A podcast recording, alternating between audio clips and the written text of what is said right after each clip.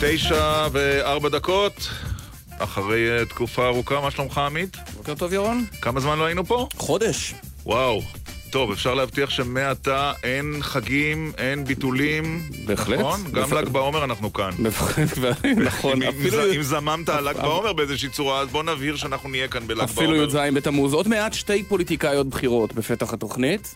הראשונה היא השרה מירי רגב, האחראית על טקס המשואות, על כל הסערות מההתכסחות עם אה, יושב ראש הכנסת יולי אדלשטיין, דרך הנאום של נתניהו, וגם על עוד כמה עניינים. והשנייה, אורלי, חברת הכנסת אורלי לוי אבקסיס, ממרום אה, שמונת המנדטים שהיא זוכה להם בסקרים בינתיים, ננסה לפצח בתוכנית הבוקר בשיחה איתה עוד קצת את חידת ההצלחה של אה, חברת הכנסת הזו, אורלי לוי אבקסיס. אחרי אחד ה...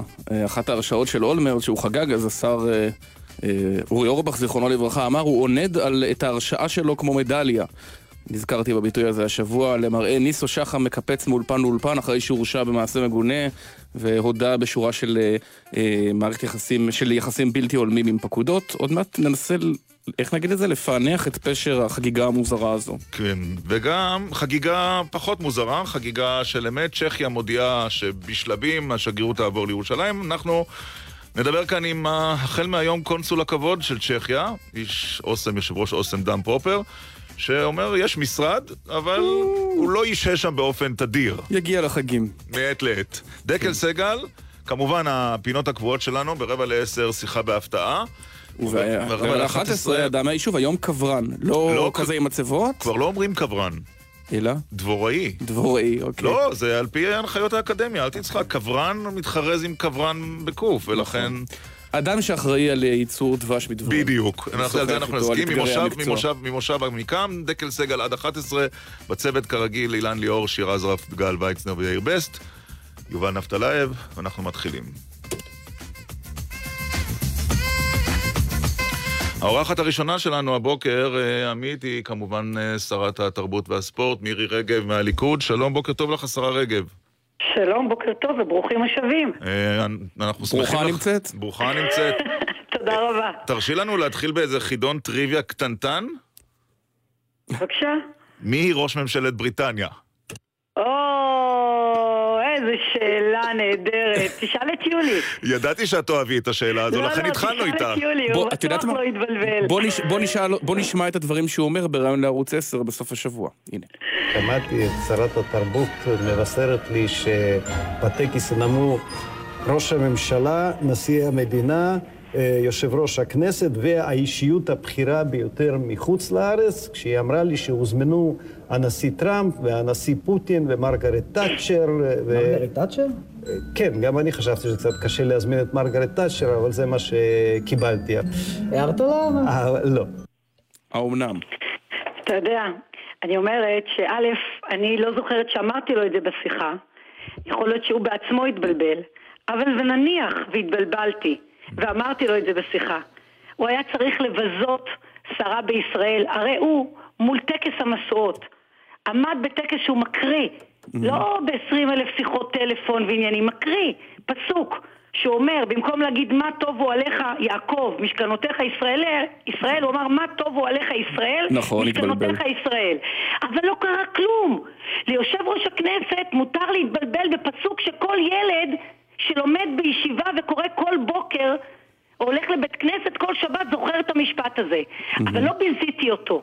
לא הלכתי לספי עובדיה שמנהל נגדי, ואני מנהלת נגדו משפט דיבה, אוקיי. כדי לנסות להשפיל ולבזות שרה בישראל. את חושבת אבל שזאת- אתה יודע מה? אוקיי. אבל אתה יודע מה? אני סולחת לו. אתה יודע למה אני סולחת לו? כי כל התרגילים המכוערים שהוא עשה כדי לקלקל ולחרב את טקס המשואות לא הצליחו למיסטר קל- קלין, כן? הוא נראה כזה מאוד נקי ומאוד ממלכתי ומדבר על הדר ז'בוטינסקי, ז'בוטינסקי, אבל הוא רחוק מזה. או, הוא אז- לא היה ממלכתי. אז זהו, את רגע, אמרת, זה- רגע, את- את הוא אמרת... לא דיבר והוא לא היה והוא לא שייך. אה, את אמרת לא שתחשפי- אלא כל מה שהוא עשה, הוא כן. ניסה לפגוע בטקס שהוא לא הצליח, ואני שמחה שרבים אחרים רגע, אנחנו- לא אנחנו מי- הצליחו מי- מיד נגיע לטקס. לפגוע בטקס אבל- ממלכתי, מרגש ומכבד. השרה רגב, את אמרת אה, לפני הטקס, שכשיעבור יום העצמאות, את תוכלי. תס- תספרי מה אמר לך יולי אדלשטיין בשיחה. והצ- והציבור הזדעזע. הנה זו ההזדמנות. זעזעי אותנו. נראה לך שאני אבחר בכם? אלא במי? למה. מה רע בנו? לצחוק. א', אני אשמח לבחור בכם כשאני אחליט אה, להודיע מה הייתה בשיחה המאוד מאוד מכוערת שהייתה ביני לבין יולי. הוא יולי אמר. בעצמו לא התבייש. לא, הוא יולי נתן את הגרסה. הוא נתן את הגרסה. יולי בעצמו בתוכנית אצל ספי לא התבייש לומר שהוא איים עליי פוליטית. לא, הוא אמר, אומרת, הוא כבר אמר זה. יפגע בך, הוא אמר זה יפגע בך לא, פוליטית. לא, הוא, הוא אמר, הוא לא התבייש לומר ש, אה, שמה שהוא יעשה זה לנסות לפגוע בי פוליטית. אבל תראו, אני באמת באמת לא מתכוונת להיכנס לזה. כשאני אחליט לפתוח את מה שהיה לא רק בשיחה בינינו, את מה שהיה מאחורי הקלעים, את אותם תנאים שתכף נדבר עליהם שהוא העמיד לראש הממשלה, אז יבינו שיולי רחוק מלהיות ממלכתי, ויולי רחוק מלהיות... אותו הדר של ז'בוטינסקי. שהוא אז רגע. מדבר עליו. אז בוא נדבר השאלה- על- כן, אבל בבקשה. שנייה אחת, אני- השאלה, השרה רגב, אני חושב שהרבים בציבור, אלה שראו את הטקס ואלה שלא ראו את הטקס, והרייטינג של הטקס בשנה הזו לא היה מן המשובחים בערוצי הטלוויזיה, להפך, אחד הנמוכים. שואלים את עצמם, לאן אתם הגעתם בעיסוק, בקטטות סביב הטקס הזה? את לא מרגישה תחושה אה, של מבוכה כשאתם מתקוטטים סביב טקס כל כך ייחודי, ממלכתי ויוצא דופן? האמת היא שאנחנו לא מתקוטטים, המתקוטט היחיד זה יולי אדלשטיין שרצה להופיע שם לבד. אה, במקום לקבל את החלטת ועדת טקסים וסמלים, שזאת החלטת ממשלה שמדברת על כך שאחת לשבע, אחת ל... עשר שנים, 70 שנה למדינה, יופיעו בטקס הזה נשיא ממשלה, ראש הממשלה ויושב ראש הכנסת.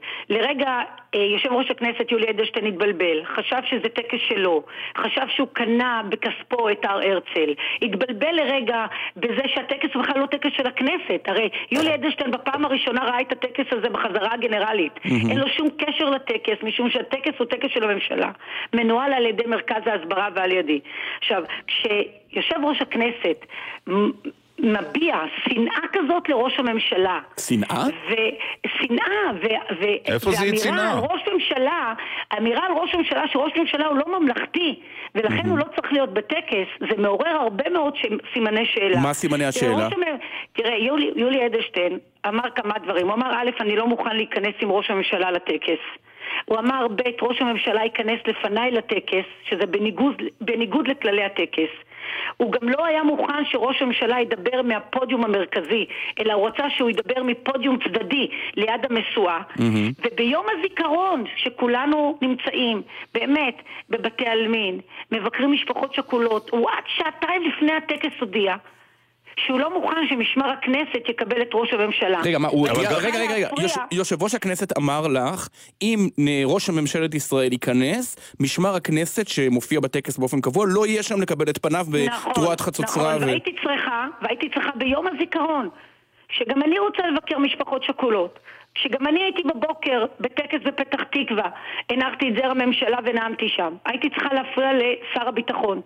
ולהגיד לו, שר הביטחון, אני מתנצלת שאני מפריעה לך ביום הזיכרון. יש לנו בעיה על ההר. הוא אמר לי, מירי, את מנהלת הטקס. מה שאת מבינה תעשי.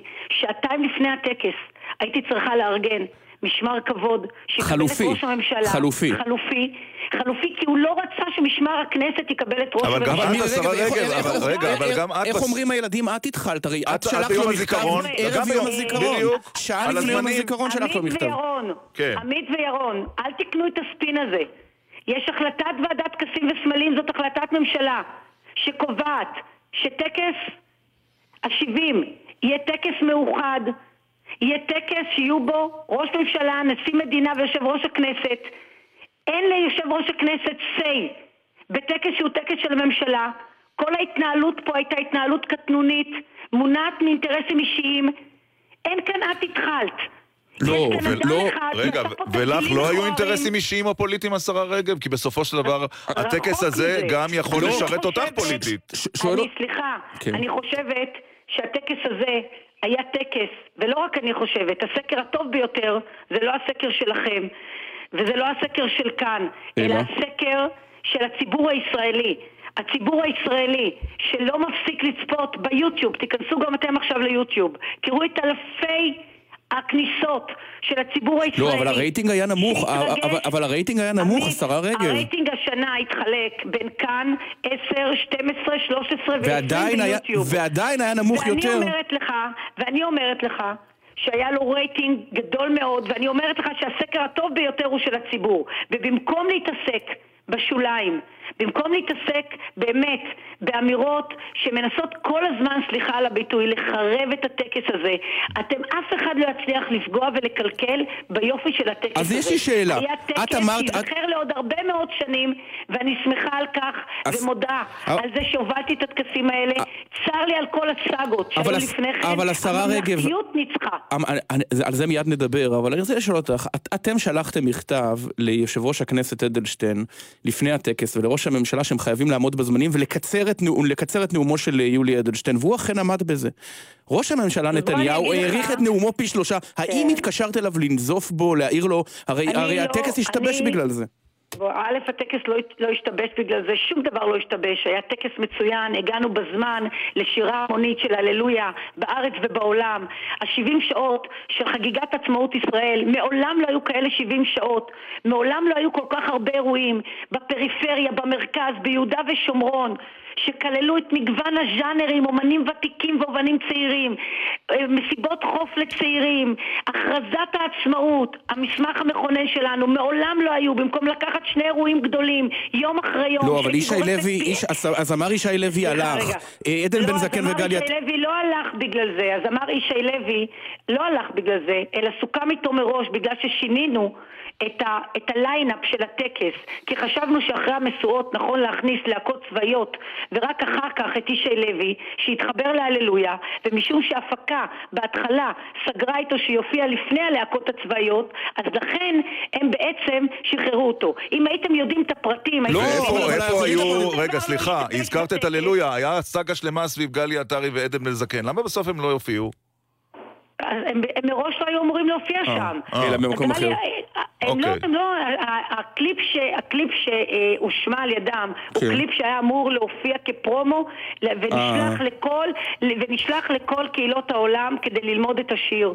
הם לא היו אמורים להופיע בטקס. אבל השרה רגב, אני לא מבין, אם יולי אדלשטיין, אני מכיר- את הפרטים, קראתי את כן. המכתב ששיגרתם בערב יום. הזיכרון, ובו אתם כותבים חשש לפגיעה בטקס באירועי ה-70 לישראל בגלל התארכות הטקס בהר הרצל, ואתם אומרים כן. לאדלשטיין, אם אתה תאריך, הטקס ייפגע. הנה העריך כן, נתניהו. אבל אתה קראת את מה שכתב ודאי. ופרסם אה, יולי אדלשטיין אחרי המכתב הזה?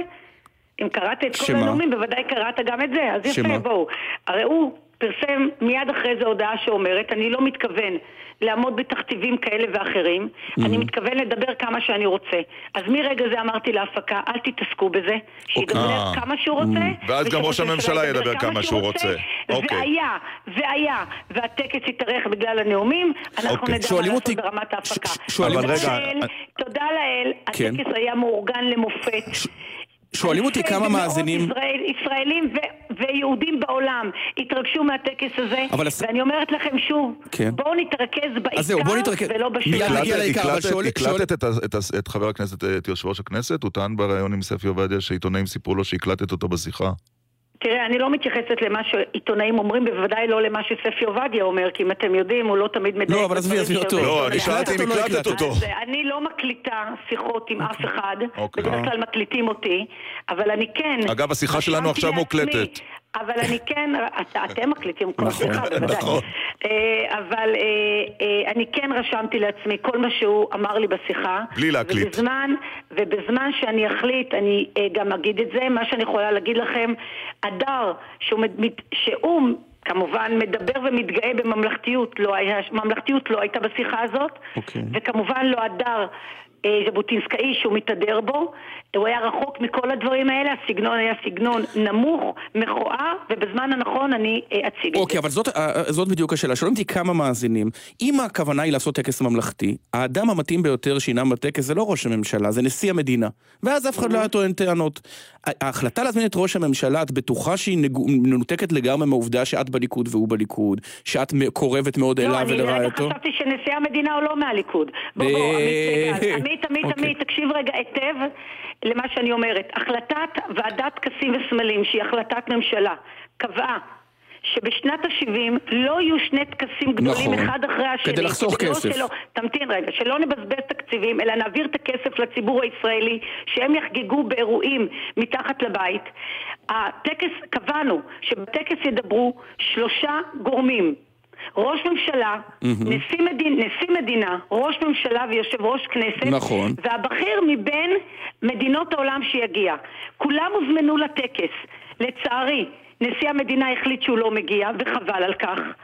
אני שמחה שראש הממשלה הגיע, הוא רחוק מלפגוע בממלכתיות. להזכירכם, כל שנה ראש הממשלה נואם בטקס המשואות, רק לא פיזית, אלא באמצעות נאום. אני לא מבינה איך הגעה שלו פיזית פוגעת בממלכתיות, ונאום שלו לא פוגע בממלכתיות. תגידי, את חושבת שה... לכן כל אותם אנשים רעים, שאינם יודעים לפרגן, מרורים וחמוצים, שכבר התרגלנו אליהם, שמנסים פה להכניס איזה עניין של ליכוד, להזכירך, אין כאן עניין? נשיא המדינה, ראש הממשלה ויולי אדלשטיין הם מהליכוד. נכון. לכן אני לא כל כך מבינה מדוע יולי אדלשטיין כל כך התנגד אז מה מניע אותו? ממשלה, אז לשיטתך, שהוא אחד האנשים השרה הכי רגב, ממלכתיים שיכולים להיות, השרה רגב, על ידי הרוב. מה מניע אותו? אנחנו בדמוקרטיה. מה מניע את יולי אדלשטיין? אנחנו בדמוקרטיה, ודמוקרטיה הצביעה רוב, רוב האנשים בארץ הצביעו בעד ראש ממשלת ישראל. ראש ממשלת ישראל הוא דמות ממלכתית, הוא לא דמות לא ממלכתית. ולכן אני לא מבינה מדוע יולי אדלשטיין לא רצה שהוא יופיע בטקס. את השאלה אוקיי. הזאת תפנה מה- בבקשה אז מה מניע- ראש הכנסת. מה מניע-.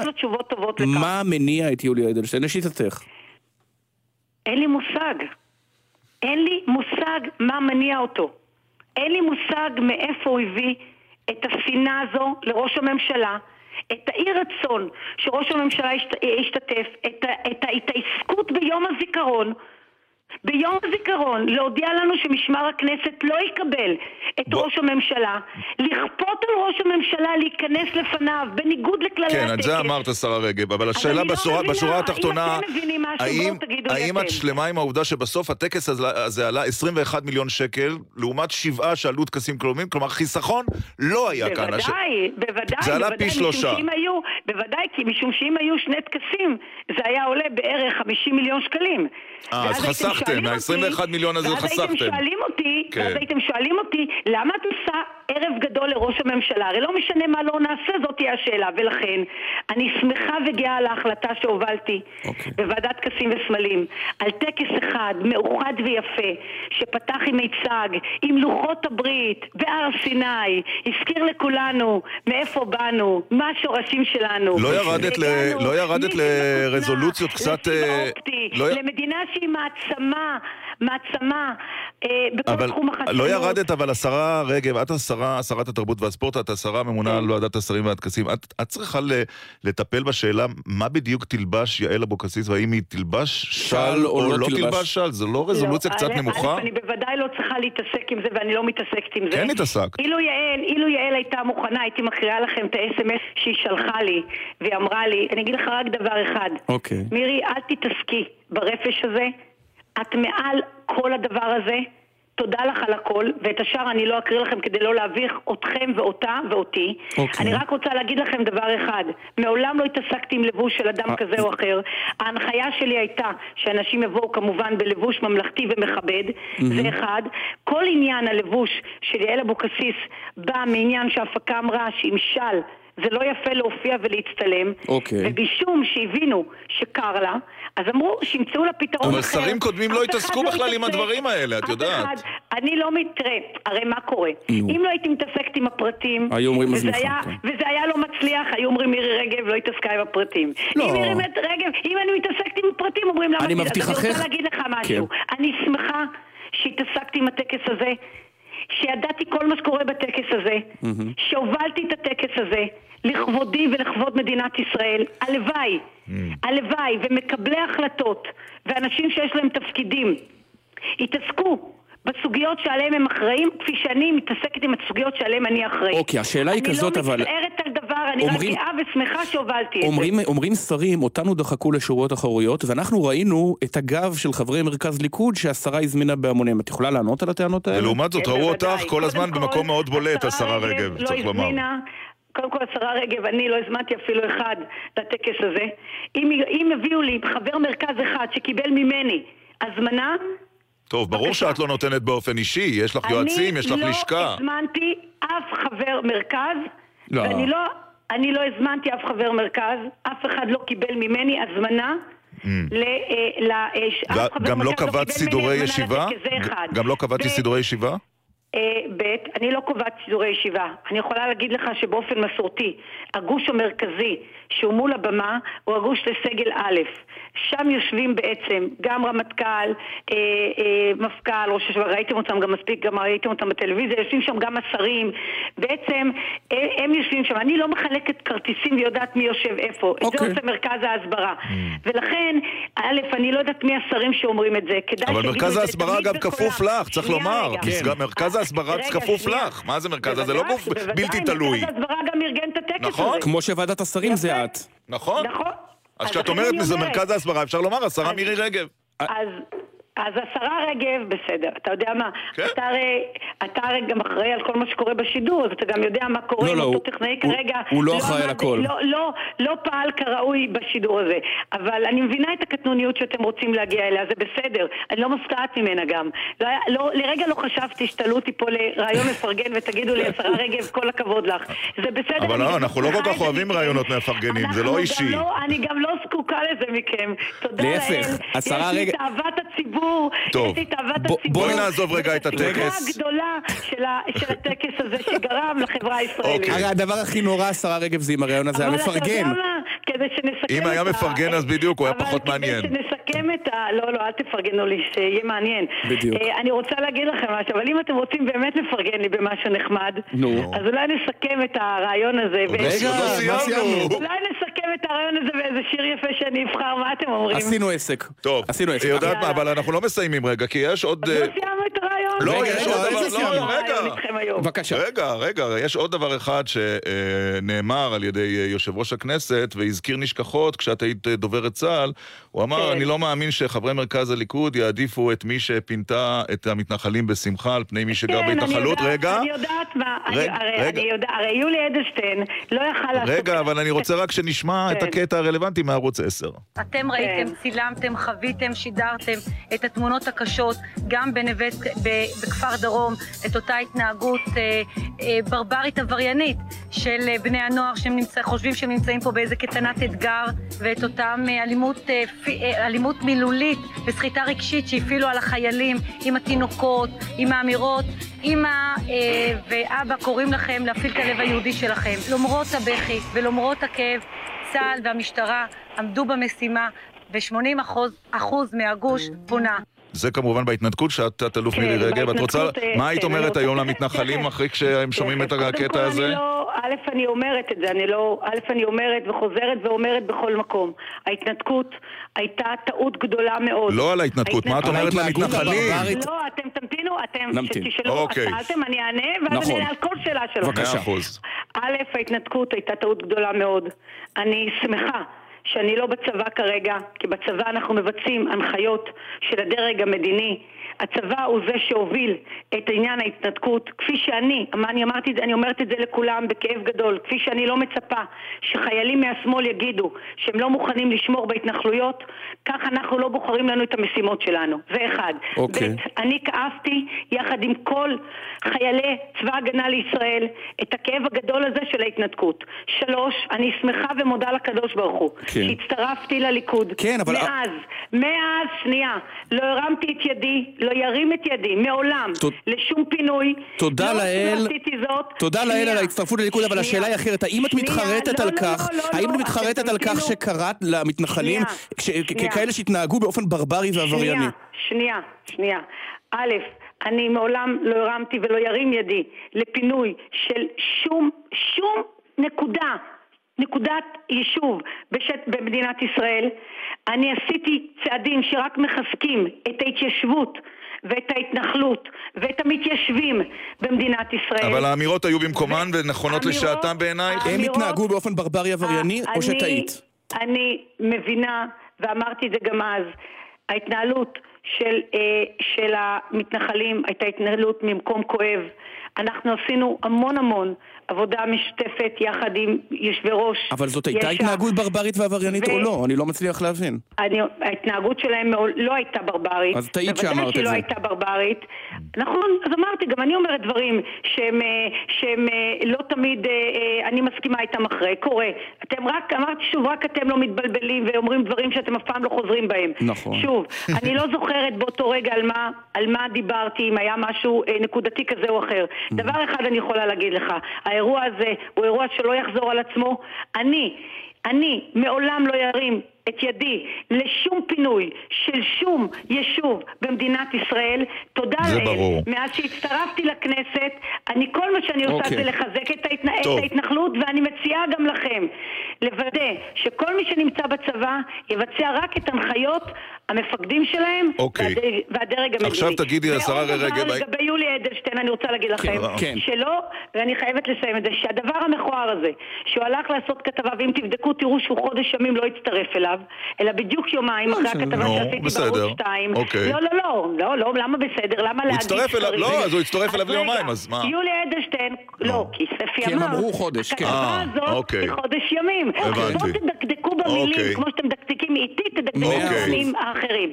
אז אני רוצה להגיד לכם שמה שיולי עשה, לעשות כתבה שכולה לבזות אותי, לנסות לפגוע בי, גם עם העניין של תאצ'ר, גם עם העניין של ההתנתקות, לא יעזור ליולי אדלשטיין. אוקיי. תודה לאל, הוכחתי את עצמי שבע שנים בנאמנות לעם ישראל, לארץ ישראל, תשע. טוב. תשע, לתורת רגב. ישראל. תשע. תשע שנים, אתה רואה, הזמן עובר הנה, מהר. אז תודה אנחנו מדייקים בפרטים. להזכיר לי את זה. אבל תגידי, תשע שנים, לפני סיום- ואני שמחה על הזכות הזאת, ותודה לאל גם לפני סיום- הליכוד, ו- ו- וחברי המרכז. הליכוד, הם לא מטומטמים, הם יודעים את הכל, והם יזכרו מי עשה מה אוקיי, למי. לפני יפה. שאנחנו מסיימים, התחושה היא שאנחנו ערב בחירות, גם ראש הממשלה נאומו בטקס אה, אותת לכיוון של בחירות. גם תחושתך שאנחנו מתקרבים לבחירות, השרה רגב? אני לא ראיתי שום, אה, שום, אה, אני לא שמעתי שום דבר בנאומו של ראש הממשלה שמאותת על בחירות, ההפך, ראש הממשלה דיבר הלל למדינת ישראל ועל הישגיה בנאום ממלכתי. את לא צופה מכבד. בחירות בקרוב? אני, אני, לא צופה, אני לא צופה בחירות, אוקיי. אני חושבת לי- שהבחירות יהיו במועדן, אבל הבטחתם לי כן. שאנחנו מסיימים עם רגע, משהו רגע. נחמד. רגע, רק רגע, רגע, לפני כן עוד- בדיוק. שאלה ראשונה, האם לרוני אלשיך מגיעה שנה רביעית? אה, לשמחתי אני לא שרה לביטחון פנים. לא, אבל את יש לנו חברה בממשלה שתצביע. ארדן, והוא יקבל את ההחלטה הטובה ביותר. ומה שהוא יחליט, את תצביעי איתו בממשלה. בוודאי, אוקיי, אני שאלה לא? נכנסת לתחומים שאינם, יפה. אני לא נכנסת... עוד הכרזה אחת שאנחנו מוכרחים. לשאול עליה. והשאלה השנייה, דוד גרוסמן ראוי לפרס ישראל לספרות? אם הוא מוכן לקבל את הפרס, הוא ראוי. אם הוא לא מוכן לקבל את הפרס, הוא קיבל. אז אה, אתה יודע, קיבל. אבל אם הוא מוכן קיבל. לקבל את הפרס, טוב. בהחלט הוא ראוי, למה יפה. לא? לפני שאנחנו נפרדים ממש, הכרזת שאת אה, תתמודדי על ראשות הממשלה, זו לא קצת יומרה, כי לפני תפקיד ביצועי מרכזי להכריז על מועמדות לראשות הממשלה, השרה מירי רגב? אני- איך אתם, איך אתם יודעים לקחת אה, כל דבר ולהפוך אותו זו העבודה שלנו. אני לא אמרתי שאני אתמודד על ראשות ראש לא, הממשלה. אחרי נתניהו. אמרתי, אני אמרתי, אני אמרתי שקודם כל יש לנו ראש ממשלה מצוין, ותודה לאל הוא נבחר לעוד, אה, לק- לקדנציה הבאה מטעם אה, הליכוד להיות יושב ראש מפלגת הליכוד, והוא גם יהיה ראש הממשלה הבא, כי כפי שאתם יודעים הליכוד אה, היא אוקיי, המפלגה ואיפה את? שתזכה בכל... בעזרת השם, איפה שהקדוש ברוך הוא ירצה שם אני אהיה, אבל אני מבטיחה לכם שאני אהיה בתפקיד בכיר, משפיע, שעושה למען עם ישראל וארץ ישראל. כי שם אני רוצה ועכשיו- להיות. אני רוצה להשפיע ולעשות טוב, אני רוצה להביא מהניסיון שלי, שרת הביטחון, שלי לשם את שואפת. ומהידע שלי. נכון? ו- לשרת הביטחון. וכפי שהבטחתם לי, בואו בואו נכון. נתחיל עם איזה שיר יאללה, סיכום. הבטחות צריך לקיים, בבקשה. יאללה, אז בוא נהנה מאיזה שיר ככה נחמד, מכורה שלי. איזה ביצוע? של, מה, של שרית חדד, השיר שהיה, ב-. השיר שהושמע בטקס. המשואות, סיכמנו. רגע, סיכמנו. במיצג, ושאלפים מבקשים לשמוע אותו שוב ושוב ביוטיוב. סיכמנו, אנחנו נחפש ונשדר אותו במהלך. התוכנית, כפי שסיכמנו. רק טוב ויום טוב. אה, אנחנו מודים לך, השרה מירי רגב, ששוחחת איתנו וגם אם לעיתים התקוטטת איתנו, אני חושב שזה היה מעניין. זה מעניין, זה מעניין, אחרת זה משעמם. אנחנו מאוד מודים לך. נביא- את ראש הממשלה לנאום. תודה על השיחה הזו, השרה מירי רגב. עובר אותי ברייטינג. יום טוב. רגב, תודה רבה. יום טוב. טוב, יש כמה דברים שאני רוצה לדבר איתך על הרעיון הזה, אבל בוא נעשה את זה אחרי החסויות ודאי. והתשדירים, בסדר? הנה. אה, לפני שאנחנו נדבר עם המרואיינת הבאה, אני חייב לשאול אותך שאלה אחת קצרצרה. כן. מה פשר הקרב אה. עקוב מדם רבים שואלים אותי. שמתחולל פה בין שרת תרבות ליושב ראש הכנסת, שכמוהו כבר מזמן לא ראינו. אה, פשוט, בעיניי. נו. תראה, אה, אוקיי, תפשט גם באוזני. המאזינים. אחד, זהו קרב על המקום הראשון בפריימריז, וכאן צריך להגיד את האמת, אדלשטיין צעד בגאון לתוך שדה המוקשים שטמנה לו רגב, הרי אדלשטיין יוצא מזה מצולק וחבול, כן. מהקרב מול רגב, זה אחד. שתיים, כשאני רואה את זה... כזה קרב על המקום הראשון בפריימריז? או, וואו. וזה רק המבוא לקרב הבא. כי אני לא זוכר קרבות כאלה, נניח, בין- גדעון סער לגלעד ארדן, שהתחרו, אבל לא היה דבר כזה. זה עניין של סגנון, אבל למרות כן, הסגנון שלהם בהחלט שונה. למרות שכולם אומרים, נתניהו כאן, ורק אחרי עידן נתניהו, אתה מריח שהם מריחים שעידן נתניהו אי שם בקצה האופק כבר מתקרב לסיומו. אה, זה כבר קרב על הירושה. מבוא לקרב על הירושה. מבוא לקרב. יש טוב, המון תגובות על רגב, נקרא אותה. בהמשך, אבל יש לנו עכשיו פוליטיקאית בכירה אחרת. שלום לחברת הכנסת אורלי לוי אבקסיס. חברת הכנסת לוי חברת אבקסיס. הכנסת אה, אבקסיס, שלום. כן, אה, בוקר שלום. טוב, מה נשמע? בוקר טוב, אה. עדיין מבוסמת או שכבר אה, שכחו החגיגות? גם קודם לא הייתי מבוסמת, כי מי שמכיר אותי יודע שכשאני מקבלת את הדברים האלו, אני מקבלת אותם בזהירות רבה, זה אכן מראה על מגמה, זה נורא מעודד. אה, ומאידך, זה באמת אה, שם אותי במקום שאני מבינה שיש פה איזושהי תקווה שאסור לי לאכזב אותה, ועליי לעשות את הדברים אז בצורה שגם תשמר את המומנטום וגם תמלא אז את הפוטנציאל הזה רוצים כדי להביא ב- לשינוי אמיתי אנחנו. רוצים לנסות קצת לפצח את ההצלחה הזאת, רק נזכיר שהסקר של חברת החדשות השבוע ניבא למפלגה שאין לה שם ואין לה חברים, יש רק דמות אחת וזוהי, שמונה מנדטים. ואני רוצה בפתח שיחתנו לצייר איזה תסריט אחר. נניח, נניח ובבחירות 2015, או כשאיווט ליברמן הצטרף לממשלה שנה אחרי, היית מתמנית לשרה מטעם ישראל ביתנו. או אז, כל, לא השאלה. או אז כל התופעה הזו לא הייתה קורית. ואני חושבת שזו ספקולציה שאין לך את זה במציאות. מאחר שחלוקת התיקים אפילו לא נעשתה במשא ומתן. כל מה שנעשה במשא ומתן זה על מה ישראל ביתנו עמדה. ובדברים שישראל ביתנו עמדה עליהם, על התכנים, לא היו שם שום תכנים שבגינם בכלל נכנסתי לפוליטיקה. לא דיור ציבורי, לא ילדים בסיכון, לא אוכלוסיות מוחלשות. וכשאני שאלתי מה השגנו, ונאמר לי תפקיד שר הביטחון, עם כל הכבוד, ויש לי כבוד גדול מאוד לתפקיד הזה, לא, זו הייתה הסיבה שבגינה נכנסתי לפוליטיקה, והבנתי כן, שאני לא יכולה לקדם, בעיקר לאחר משא ומתן, שבו למפלגה היה את כל היכולת לדרוש את הדברים האלו, ותאמין לי, במצב הפוליטי שהיה, גם היו מקבלים. גם אם היו מציעים לך אני את תיק בכלל לא הרווחה, לשאלות של חלוקת... בכלל לא דיברנו על חלוקת התיקים. תראה, כאשר אתה מקבל תפקיד בלי יכולת לשנות בו משהו, לממש אותו, או להחזיק רק בתיק כדי לקיים מדיניות שאינך מאמין בה, אז מה עשית? אבל איזה מדיניות חלק השתנתה? אבל, אבל אורלי לוי, את היית חברה בממשלת ליכוד אה, ישראל ביתנו, היית אפילו חברה ברשימה משותפת, לא זכורה לי אז דאגה עמוקה לחברתיות מצד הקואליציה, וזה לא הפריע לך. אוי, עמית, הזיכרון שלך הוא משהו שאני נורא החשבתי. למה? לא יש לו זיכרון טוב בדרך כלל. אז אני, בואי אחדד לך. הגיל עושה את שלו, לך הגיל קצת. עושה את כן. הוא מתבגר. גם אצלי, אבל בינתיים זה בפיזי ולא אה, בחדות המחשבתית. תראה, כאשר הייתי חברה בקואליציה, היה ראש אה, שעמד, ראש מפלגה שעמד במשרד האוצר והחזיק בתיקים הכי רלוונטיים. רווחה, חינוך, בריאות ואוצר. ש- באמת, התיקים האלו הם המפתח לשינוי חברתי, וכאשר אני נתקלתי כחברה בקואליציה בתוך תקציב אנטי-חברתי, אין לי מילה אחרת לומר על התקציב שהגיש יאיר לפיד אוקיי. בשנה הזו, ואני נעמדתי נו. על הבמה בכנסת ואמרתי, יש לנו מחויבות גדולה יותר מהאופוזיציה לבוא ולהילחם על הדברים האלו. עלה שר הרווחה ואמר לי, נראה איך תצביעי בתקציב, ונלחמתי על זה בתוך הקואליציה ועל הנושאים האלו, שכל מה שקשור לקיצוצים, לא הצבעתי בתקציב עם הקואליציה. אוקיי. האם היו לזה מחירים? היו. מחירים. בנושא הגז, אני חייב להגיד לך... לך. כן. בנושא הגז הצבעתי והלכתי נגד נכון, נגד העניין. אבל... שלא היה בעניין. לכן אני שמרתי גם על הייחודיות וגם על התפיסה, גם בהיותי חברה בקואליציה, וזה לא עשה לך אני. רחוק מלהיות אה, מבין בכלכלה, אבל אה, כשאני רואה שאת תהיי אולי שרת אוצר, אני קצת דואג. ואני אגיד לך למה. ראיתי את? ההצעות שלך למשכנתה, למעשה את מציעה לנו את משבר הסאב פריים האמריקאי בריבוע. את הצעת הצעת חוק ב- לא, לא. של 90% מימון למשכנתה. ההצעות שלך הן מאוד מלאות חמלה, אבל מאחוריהן אין מדיניות כלכלית שתגיד גם מאיפה יגיע הכסף. למה אתה חושב שאין מדיניות כלכלית? למה אתה חושב שזה נשלף מהמותן? למה אתם חושבים שזה סאב פריים? תכנסו לגוף החוק, תכנסו לרזולוציות ותבינו. אנחנו באנו ואמרנו דבר נורא פשוט, הבנקים לא ייתנו יותר ממה שבנק ישראל מאפשר להם. הקריטריונים לקבלת משכנתה יישארו בדיוק כפי שהם. עד אחוז איקס מההכנסה המשותפת, אופק תעסוקתי, יכולת להחזיר את ה... אבל עקב אכילס שהוא בעצם מהווה את, אתה יודע מה, אולי אחד מהפערים הגדולים ביותר במדינה, ואני תכף גם אסביר, זה היכולת להעמיד הון עצמי. והיכולת להעמיד, להעמיד הון עצמי לא בעצם בא לקבוע מי יעמוד בתשלומי המשכנתה או מי לא. אותם הילדים שיצאו במשפחות לפעמים קשות יום, במשפחות בפריפריה, במשפחות אבל מה לעשות, לא אבל, אבל, אם ביוגרפיה לא הולכים למכולת, אם הבנקים יקרסו פה... נכון. ולכן אני אומרת, זה שמפחידים אתכם זה לא תואם את החוק. מה שאני באה ואני אומרת, הבנקים יתנו מה שמאשר להם בנק ישראל, לא משנה שם כלום. לגבי ההון העצמי, אני באה ואומרת, נחזיר את המגמה שהייתה פעם, את התוכנית שהייתה פעם.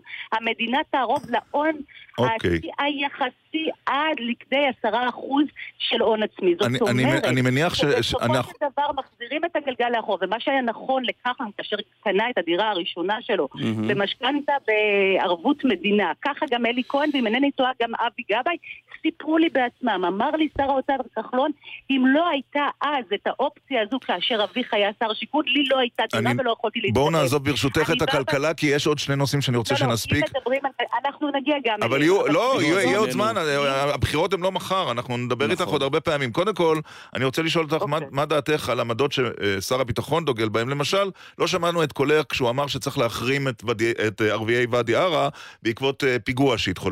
את בעד? את נגד? אני חושבת שאני, אני את הדברים שלי אמרתי, אי אפשר להרחיב את הכיתוביות פה.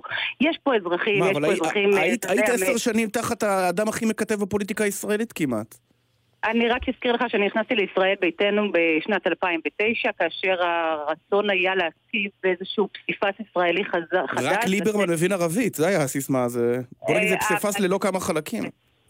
אה, אנחנו צריכים אה, לזכור שבמערכות בחירות לא תמיד אה, הח"כים קובעים, וגם כאשר נקבע משהו, לפעמים סוסים מתוך מקום אסטרטגי, okay. אוקיי. אבל אני נכנסתי ביחד ב- עם לנדאו, ב- ועם אהרון לוביץ', ועם okay. מטלון, ועם דני אילון, באמת איזשהו פסיפס ישראלי רצו לעשות את הליכוד ב' משהו.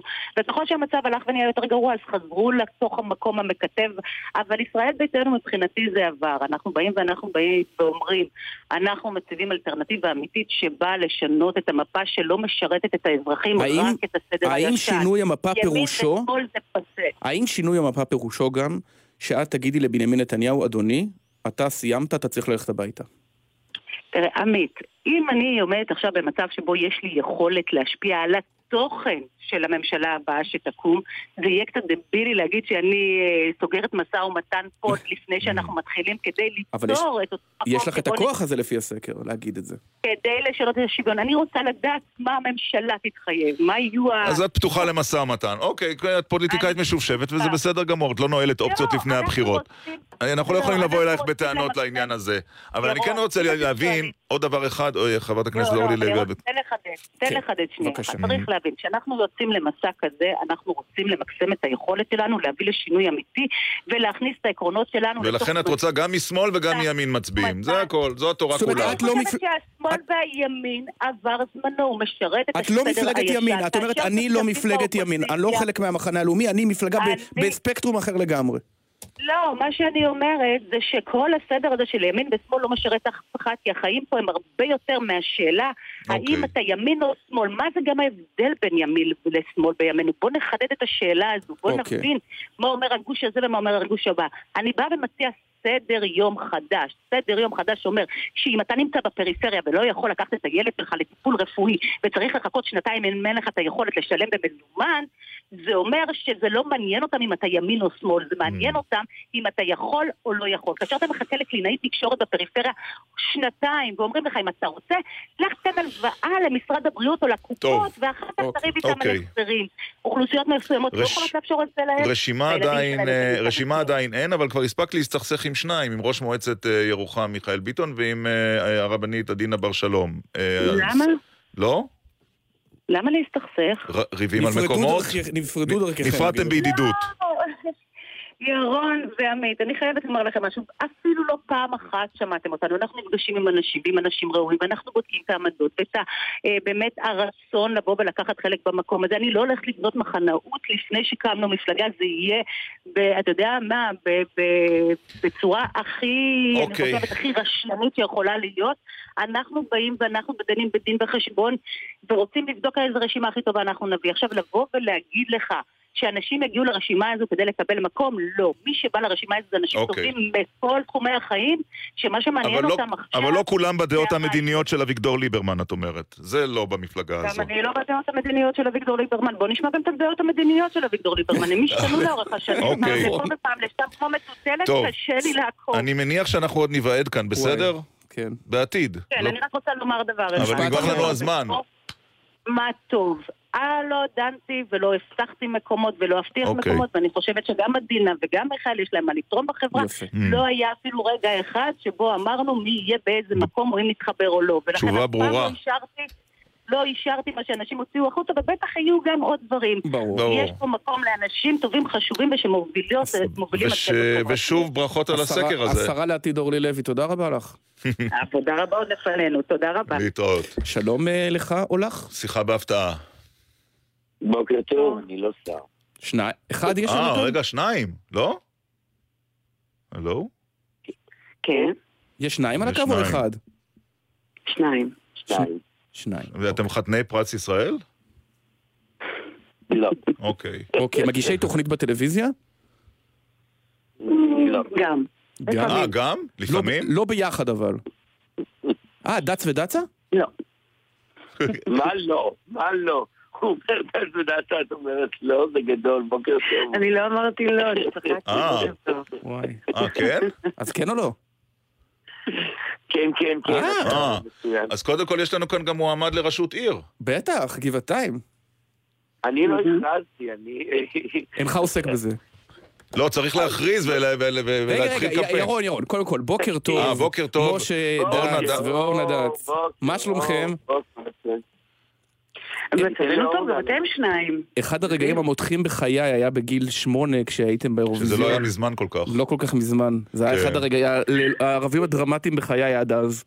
מה, האירוויזיון שבו... של כאן, של כאן, בטח, מקום שלישי. כן. מה, הרשו לך להישאר כל כך מאוחר עד כן, ההצבעה? כן, זה היה אירוע... בגיל שמונה? אירוע, כן. כי, כי זה היה שיר ציוני, זה לא כמו היום שעושים קולות של לא, תרנגולים. עמית רוצה לומר שההורים שלו נורא רצו לראות את האירוויזיון והשאירו אותו גם באפשרות לצפות ההורים בזה. שלי לא, אף פעם זה לא זה התחום הכל, זה מה. שהתברר עכשיו. יפה. מה מעשיכם לא, בימים זה אלה? בהחלט היה. אנחנו מקשיבים לכם עכשיו כבר עשר דקות, מדברים עם אה, חברת הכנסת אורלי לוי אבקסיס. מופיעים הרבה, השרה לעתיד. השרה לעתיד, כן. אה, וזהו, מופיעים, עובדים. בעבודה, כמו כולנו. אני רוצה להגיד ש... אני רוצה להגיד שהערב יש לי ערב כיתה. אה, שזה הדבר הכי מרגש שקורה לי בשנים האחרונות. אנחנו נפגשים בכיתה מהבית ספר היסודי. אה, אה, בשנת, משנת 73 אני הולך לראות חברים שלי שעברו אה, לפחות 20, 30, 40 שנה שלא ראיתי אותם, וזה מרגש אותי, אני לדעתי לא ישנתי בלילה. תגידו, כולם שואלים את עצמם, אני מצטער, סליחה על הבנאליות של השאלה. איך, כש- איך, כשהופ- איך זה להופיע יחד כשאתם אה, כבר לא ביחד אה, בחיים הפרטיים? זה בשם כולם, הוא שואל. כן, ברור. אה, על הבמה אנחנו הכי טובים בעולם. לא יודעת, זה כמו לרכב על אופניים כזה. אתה עולה על אופניים ורוכב, כי אתה יודע. לרכב. כן. אה, זאת הייתה התחושה שלי. זאת אומרת, זה לא... יש הפרדה מוחלטת, ואנחנו טובים ביחד על הבמה, ואנחנו שרים ומרגשים. וזה באמת היה אירוע ש... שעשה להרבה אנשים אה, ממש טוב, קיבלתי מלא מלא ריקושטים, והאמת שמאוד מאוד נהניתי. כ- כמה שנים לא הופעתם יחד? מלא שנים, מלא, מלא. וזה פוטנציאל מלא להמשך, ההופעה המשותפת בטקס הדלקת המשואות? יש לה פוטנציאל למשהו אתם, אתם משותף? גיליתם אותנו, גיליתם מי אנחנו מהר מדי. לא התכוננו נכון, לשאלות האלה. נכון, נכון. לא, אתם מספיק... אמרו לי, מש- אמרו לי שזה ייקח לכם מלא זמן. שניכם כל כך משופשפים שאתם לא צריכים ממש לחשוב על כל תשובה. לא, אבל הש- השאלה היא כזאת, אתם, כש- כשזוג, אה, אתם הייתם זוג גם בחיים וגם בהופעות, מאוד מפורסם, כשמערבבים, בוא נגיד, את האישי והעסקי, האישי והמקצועי, זה דבר שגורם נזק או דבר שעוזר? אני יכול לענות? כן, בשעה, כן, בהחלט. לא, אני, אני, אני פשוט, אנחנו לא באותם בתים, אתה יודע, אז אני לא רואה, ואני לא רוצה להתפרץ פנימה. אה, תראו, כשמתגרשים אז באמת יש הרגשה או מחשבה ש, שזהו, אה, נפרדים והדלת נסגרת, אבל זה לא נכון. אם יש ילדים באמצע, אז זה אף פעם לא נכון, ורצוי אה, שנדע את זה ונפנים את זה, כי באמצע נמצאים האנשים החשובים ביותר בחיים, גם של אורנה וגם שלי. כמה יש? זאת אומרת שיש שניים שיהיו בריאים, והם מפעל חיינו. כן. ו- הם גדולים כבר, נכון? כן, כן. הם גדולים, אבל הם תמיד הילדים. ברור. זה לא משנה בכלל, זה לא... כן. עדיין לעומר אנחנו קוראים עומר, וליועד אנחנו קוראים הקטן. שואל כמה הקטן? הוא ב- בן בן 21. 21. אה, אה, בן אוקיי. 21 הקטן, אוקיי. הקטן חייל. בחיל האוויר בן 21. כן. יפה. הוא מטר יועד, 93. בדיוק. והוא תמיד הקטן. כן. וואו. אני מוכרח לשאול אה, אותך, אבל גם אה, מעבר לעניין הזה, גם על הידיעה שאתה באמת מתכוון לרוץ לראשות העיר, זה- זה זה נכון? תראה, אני חושב על זה, אני בכ- אני בכוונה לא מכריז, כי יש, יש, אתה יודע... כי אני עושה סקרים, אתה אה, יכול להגיד, כדי לבדוק את מצבי. אה, פחות. אני בודק את העניין בכלל. אני בודק את העניין. אין זמן. אבל למה אתה זמן, רוצה? אבל למה אתה. בכלל רוצה? אה, כשאני, כשאני אכריז, אוקיי. אז אני גם אגיד, אז אני גם אגיד את הדברים האלה. אני פשוט חושב... אני, אני, לא. אני בלי קשר אם הוא, אם הוא רץ או לא, אני חושבת שבבחירות המוניציפליות הקרובות צריכים להגיע אנשים חדשים, צריכות להגיע נשים, הרבה יותר נשים, חד... כשיהיה כוח לנשים. ואם דת, בלי קשר, רץ ורוצה, או... את תהיי מספר לרוץ, שתיים שלו, ואת רוצה להכריז על זה כאן בתוכנית. לא, אני לא רוצה אה. להיות מספר שתיים, כי אה, אני גם לא יכולה להצביע עבורו, כי אני גרה ברמת גן אה. והוא בגבעתיים, אבל אני בהחלט אשים שלט אם הוא יכריז על זה בבית שלי במרפסת, כדי שיבחרו בו. אז אולי שתתמודדי ברמת גן. ואולי לא. יש לי סיס- יש לי הצעה לרשימה. אה, כן? כבר. גיבשת? כאן ביתי.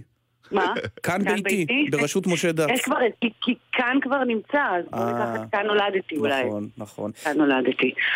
אבל אני, אני מברכת, כל מי שמצטרף ומתחרה, זה דם חדש, זה דברים חדשים, יש פה אנשים שצריכים שיעזרו להם בערים האלה. תגידו, אתם הייתם גם בטקס... נשים וגם גברים. הייתם בטקס השנה? טקס המשואות, ואני חייב להגיד לכם שההופעה נכון. שלכם הייתה ב- מנקודות האור של הטקס, שהוא היה שנוי במחלוקת. אמ, הייתה לכם תחושת חמיצות? על על כל הסערות מסביב? או שלא הרגשתם בזה. לא, תראה, בוודאי- לא לא שהרגשנו. אי אפשר היה להגיד לא מרגישים בזה, הרגשנו מאוד, אבל אני, חי... אני חייב להגיד, אנחנו כל הזמן אומרים, את רק אתם הייתם, אבל היה איתנו בן אדם שלישי, ברוחו לפחות, הוא לצערנו נפטר. עוזי חיטמן שהלחין נכון. וכתב נכון. את השיר הזה, זה, נכון. המקום הזה ש, ש, שזכינו שלושתנו אחרי 27 שנים, השיר הזה, באמת, הוא היה לפני 27 שנים, בשביל, בשביל, בשבילנו הוא גם כן היסטוריה. הוא לא המציאות שלנו, הוא לא, אנחנו לא, הוא לא יום, הוא לא היום-יום. שלנו ביום-יום. ו, וזה שהוא הוא כל כך נטמע וכל כך זכור, וההופעה הזאת, נכון. כמו שאומר עמית, אתה זוכר אותה בגיל שמונה, היא לא... זו שריטה כזאת שאתה יודע, אתה לא יודע שהשארת אותה, כן. ואתה שמח שהשארת אותה. אתה שמח... נכון, אז לא כל הדברים. האחרים הם, אה, הם בטלים בשישים, אתם מבינים? זה לא... כן, כי זה מה? לא היה רלוונטי מבחינתנו, כי הדבר הזה, המומנטום הזה של לשיר את כאן נולדתי שם, היה כל כך חזק מכל הבחינות, גם מבחינתנו, גם מבחינת וזה גם הקהל. ימים, מה- השנים האחרונות אולי, שבהם באירוויזיון היה שיר בעברית. המילה כן, היחידה. בעברית עכשיו בשיר של, של אה, נטע ברזילי זה סטפה. בחיי. לא, זה אני לא בובה. אני לא בובה, נכון? נכון, נכון, זה שלוש מילים. לא-. טוב, נגמר לנו הזמן, אורנה. ומשה זה בשיחה בהפתרה, שמחנו לראות אתכם, לשמוע אתכם ולשוחח איתכם. ובשעה הבאה נשמיע גם את כאן. בדיוק. תודה רבה. תודה רבה. תודה. רבה. תודה רבה, שבת שלום. טוב, יש לנו המון דברים בשעה הבאה, אבל זה החסויות. התשדירים ועוד ועוד. והחדשות כאן בגלי צה"ל. מיד חוזרים.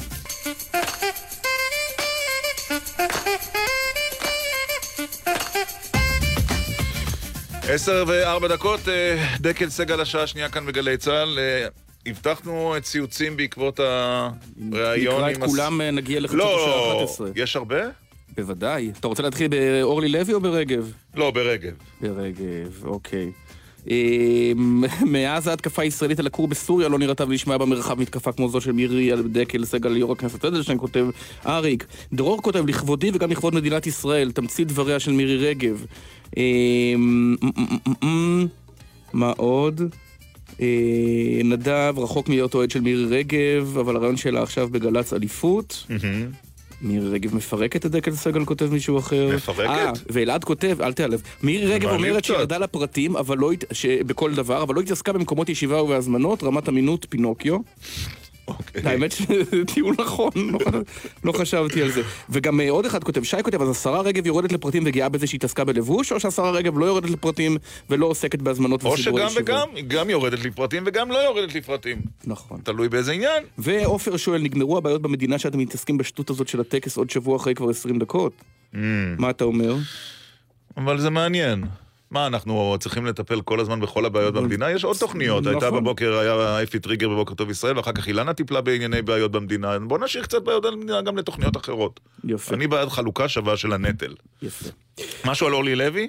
אה, גם יש לא מעט אה, אז בוא ציוצים. משהו קטן. איך היא אמרה? היא נכנסה בליברמן, אתה שמעת את זה? היא אמרה, אני לא יודעת בכלל מה העמדות שלו. שמעת את זה? כן, בהחלט. אורלי לוי, מה עוד יש כאן? אז מה שוב, כותב הראל, אז מה שוב תנועה בראשות אישיות מקובלת ופופולרית ועוד שישה או שבעה כלומניקים במקום להצטרף לתנועה בית גדול מוכר וידוע? אם כחלון היה מצטרף לבית מוכר וידוע, הוא כנראה הש- לא היה שר האוצר. השאלה היחידה שיש לשאול כאן היא השאלה הבאה. האם... האם היא עוברת האם גוש? דו- לא, אני אשאל את זה אחרת. נו. האם היחסים העכורים בלשון המעטה בין משפחת לוי לבין ראש הממשלה נתניהו, שהתחילו עוד אה, בפרשת הקלטת הלוהטת, ונמשכו בהתפטרות מהליכוד, Mm-hmm. כן, ואחר כך אה, בשנים האחרונות, ואחר כך היח- חבירה לברק. והחברה לברק, כן. האם היחסים האלה, האלה ישפיעו גם יום אחרי? אני יודע שנתניהו מודאג מזה, שאורלי לוי תלך עם ה... עם מישהו אחר. מצד שני, אורלי לוי גם... בהמלצה לנשיא. אורלי לוי גם נכנסה חזיתית ביאיר לפיד, חבל על הזמן. כן. נראה, לי, נראה לי שמה שהיא אמרה זה סיכום הכי הוגן, היא אומרת, מי שיצ... בעצם, מי מי שיציע שיצ- לי יותר מהמצע שאני רוצה. כן. בקיצור, נכון. המכרז של המדינה נפתח. אה, טוב, עכשיו נדבר קצת על ה- משהו טיפ-טיפה יותר אה, חגיגי, נכון? על ההחלטה של אה, צ'כיה להעביר בהדרגה את השגרירות שלה לירושלים, ואיתנו מי שמונה לקונסול, קונסול הכבוד של צ'כיה בישראל, יושב ראש אוסם דן פרופר, בוקר טוב. בוקר אור. זה אומר שאתה תייצג את צ'כיה מירושלים? זה אומר שצ'כיה אה, נותנת אה, משקל יותר גבוה לירושלים, וזה בעצם החלק הראשון מתוך אה, שלושה שלבים שהכריז עליהם אתמול אה, נשיא צ'כיה. אה, זה הראשון שבהם, השני הוא העברת אה, חלק מה... אה, אה, הייתי אומר, המכלול התרבותי של שגרירות צ'כיה לירושלים, והחלק האחרון יהיה העברת השגרירות כולה. אה, דהיינו, אנחנו, אה, צ'כיה עושה את הצעד הראשון. אבל כדיפלומט אה, טרי, נקרא לזה ככה, אתה בוודאי שמת לב שיש מועד אה, למינוי קונסול הכבוד, שזה מיידי, ולהעברת המרכז הדיפלומטי, אבל העברת השגרירות בירושלים אומרים בהמשך. מתי זה ההמשך? היות ואני דיפלומט טרי, אני לא אה, אוכל לענות על השאלה הזאת ממש כפי שהיא לא אה, ניתנה על ידי, על ידי הנשיא, שהוא ודאי דיפלומט ותיק ממני. כן. אה, ההכרזה עצמה, לפי דעתי, יש לה משקל ניכר. השאלה אם אתה לא... עצם ה... כן, סליחה, כן. עצם הרצון והביצוע של הכרזה כזאת על ידי נשיא מדינה כל כך חשובה, וזה על רקע ההסתכלות האחרת של כל מדינות האיחוד האירופי, יש לה משקל. אבל אתה לא חושש שבהיעדר מועד ניוותר רק עם שני הצעדים הראשונים? אני משוכנע שזה לא מה שיקרה, בוודאי שזה לא מה שנשיא צ'כיה מתכוון אליו. איך נהיים קונסול כבוד של צ'כיה? מתקשרים, מתקשר שר החוץ של צ'כיה ואומר, אה, אתה מוזמן להיות קונסול כבוד שלנו? האם תיאות? אה, צריך להוריד את הדרג ולומר שהשגריר מתקשר. אוקיי. כן, אה, יש לי קשרים אה, ותיקים מאוד עם שגרירות צ'כיה, מאחר והוריי היו ילידי צ'כיה, ואני גם הקמתי מפעל בצ'כיה. הקשרים קיימים, הם מכירים אותי. וכנראה שעל רקע זה הפנייה נעשתה. ואיך טכנית זה מתבצע? זאת אומרת, יזכרו לך משרד בירושלים ותצטרך להיות פה מספר פעמים בשבוע, או שזה ממש אה, אקט הכרזתי? אפשר גם מספר ירושלמי שיהיה מחובר לכפר שמריהו. נכון, נכון. אה, בפלאי הטכניקה אפילו לא צריך מספר בימים אלה, כפי שאתם יודעים. כן, גם זה נכון. אה, כן, אבל באופן עקרוני יש שם משרד. ובאופן עקרוני העניין הוא סמלי מאוד. אה, כאשר יש לצ'כיה קונסולית קבועה, צ'כיה בשכר בשגרירות בתל אביב, היא עוסקת בכל הנושאים הקונסולריים השוטפים, אה, כך שה... קונסוליה בצ'כיה היא יותר עניין סמלי. אבל אתה תהיה שם אה, פיזית או ש... לעיתים אה, לא מזומנות. לעיתים אוקיי. לא מזומנות. לא, לא לבנות אה, על זה שהאורות ידלקו כל הלילה בקונסוליה בירושלים. משהו מעין זה, אבל כפי שאני נוהג להיות בירושלים לעיתים בכל מקרה, אני אמשיך להיות בירושלים. אחיך הוא קונסול כבוד של ניו זילנד, נכון? גד פרופר. אמת ויציב. אז אצלכם בכלל במשפחה. זה בכלל לא שייך לקשר המשפחתי, אה, ואני חושב שיש כאן מקריות מסוימת, אבל היות ובין אה, אחי וביני היחסים מצוינים, אז גם כנראה שבין ניו זילנד לצ'כיה היו יחסים טובים. אם חלילה יום אחד יהיה מצב מלחמתי בניו זילנד לצ'כיה, אז יהיה את הדרך לגשר. כן. כן, תגיד... אנחנו נפנה אליכם לסיוע. בדיוק. תגיד, ש- שאלה אחרונה, צ'כיה וישראל זה הרי אה, רומן ארוך שנים, עוד לפני קום המדינה, הנשק הצ'כי הציל אותנו במלחמת העצמאות. מה, מה, מה פשר הקשר האמיץ הזה? הרי יחסים בין מדינות לפעמים מתקלקלים במרוצת השנים. למרות שהייתה נסיגה בזמן, אה, בזמן הגוש הקומוניסטי. טוב, נכון. כן, כן אה, טוב, בואו בוא נמחוק רגע את התקופה הקומוניסטית שבה גם הצ'כים עצמם לא רבו נחת מהלחץ הסובייטי, והעובדה היא ש...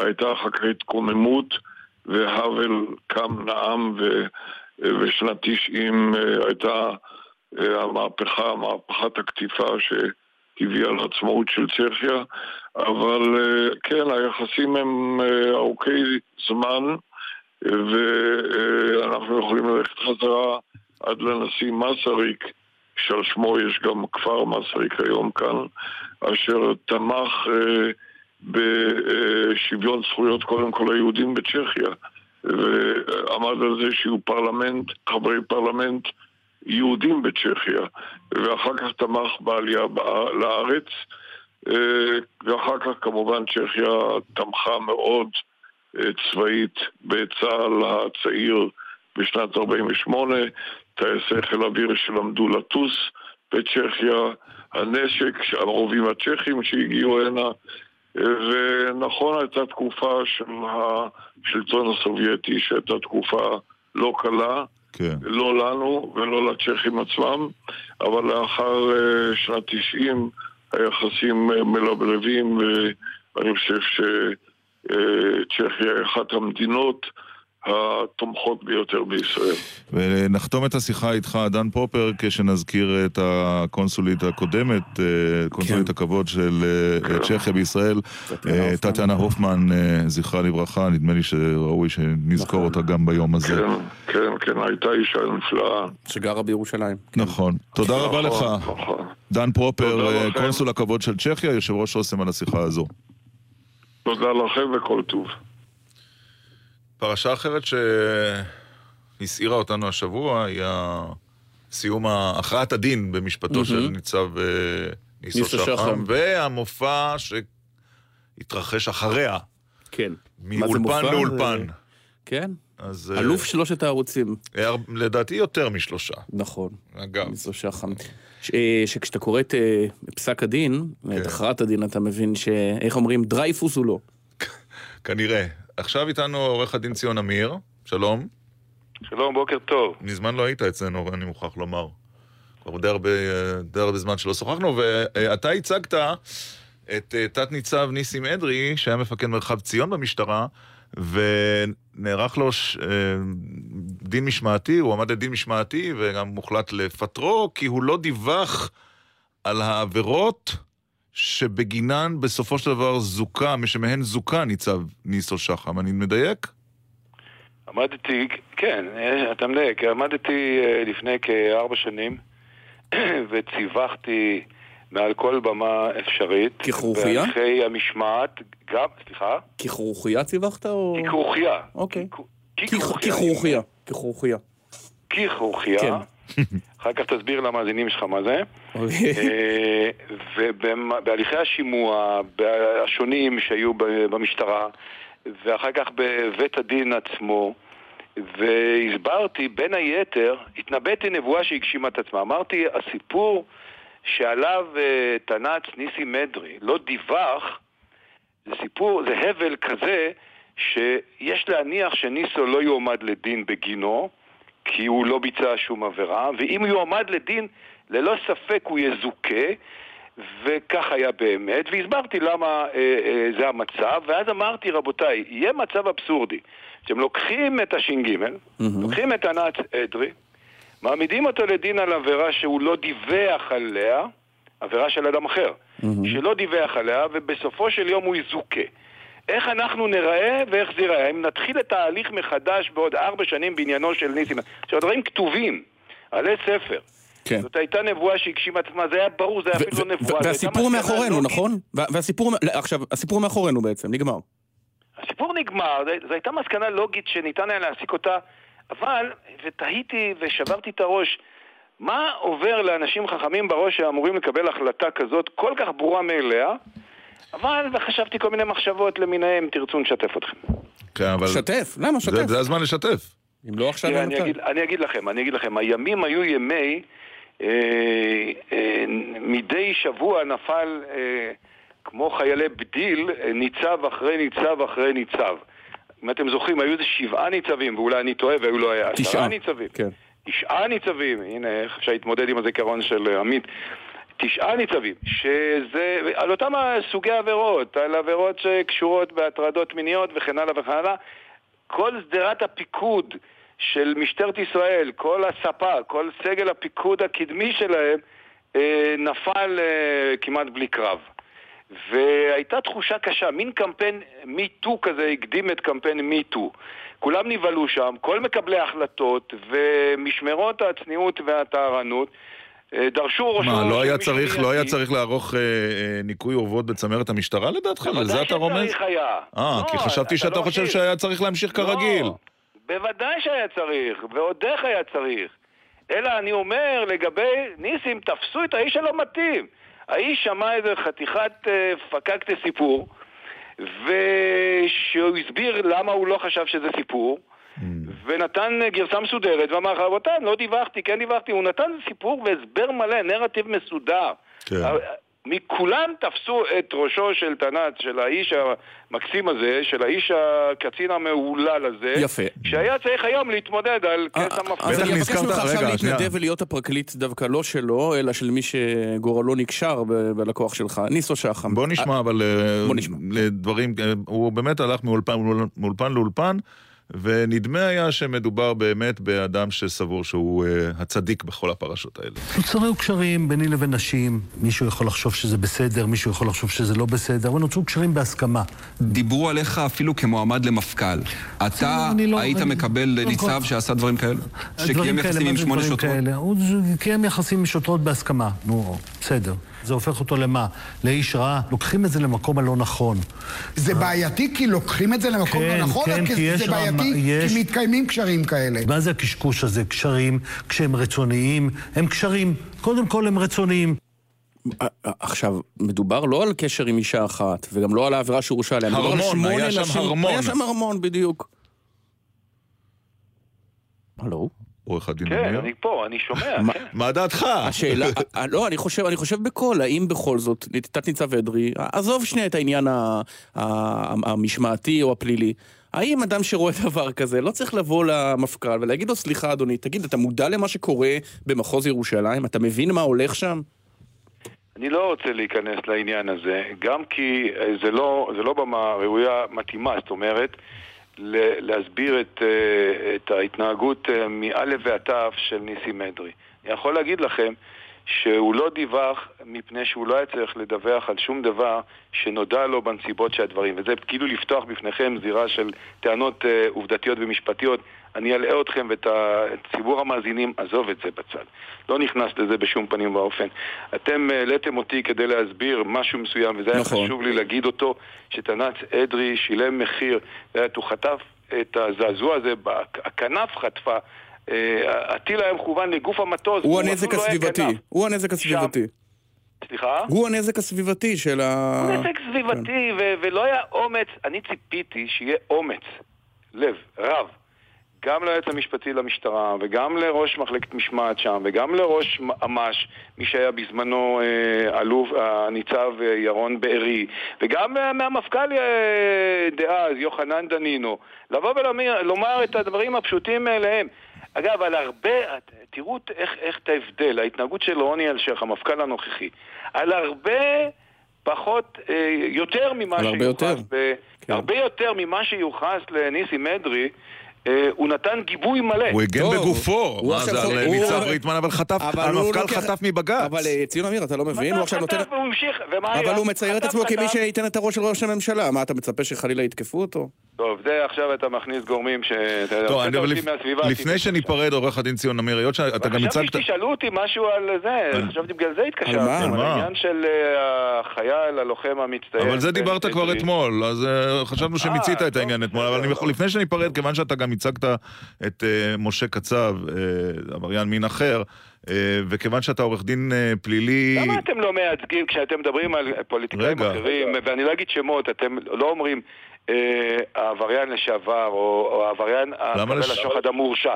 למה רק עם משה קצב אתם אומרים מה נעשה? לא, אני חושב... ק- ק- קודם כל יכול להיות שאתה צודק. והשמות ידועים לכם. לא, הם- יכול להיות- הם מככבים אצלכם. מחכבים אצלכם. כן. יכול להיות שאתה צודק, אה, אבל בסדר. אבל אוקיי. אני רציתי, אוקיי, ציון אמיר, כמי שבקיא וייצג עברייני מין בעבר, מה דעתך על התופעה של ניסון שחם אחרי הכרעת הדין?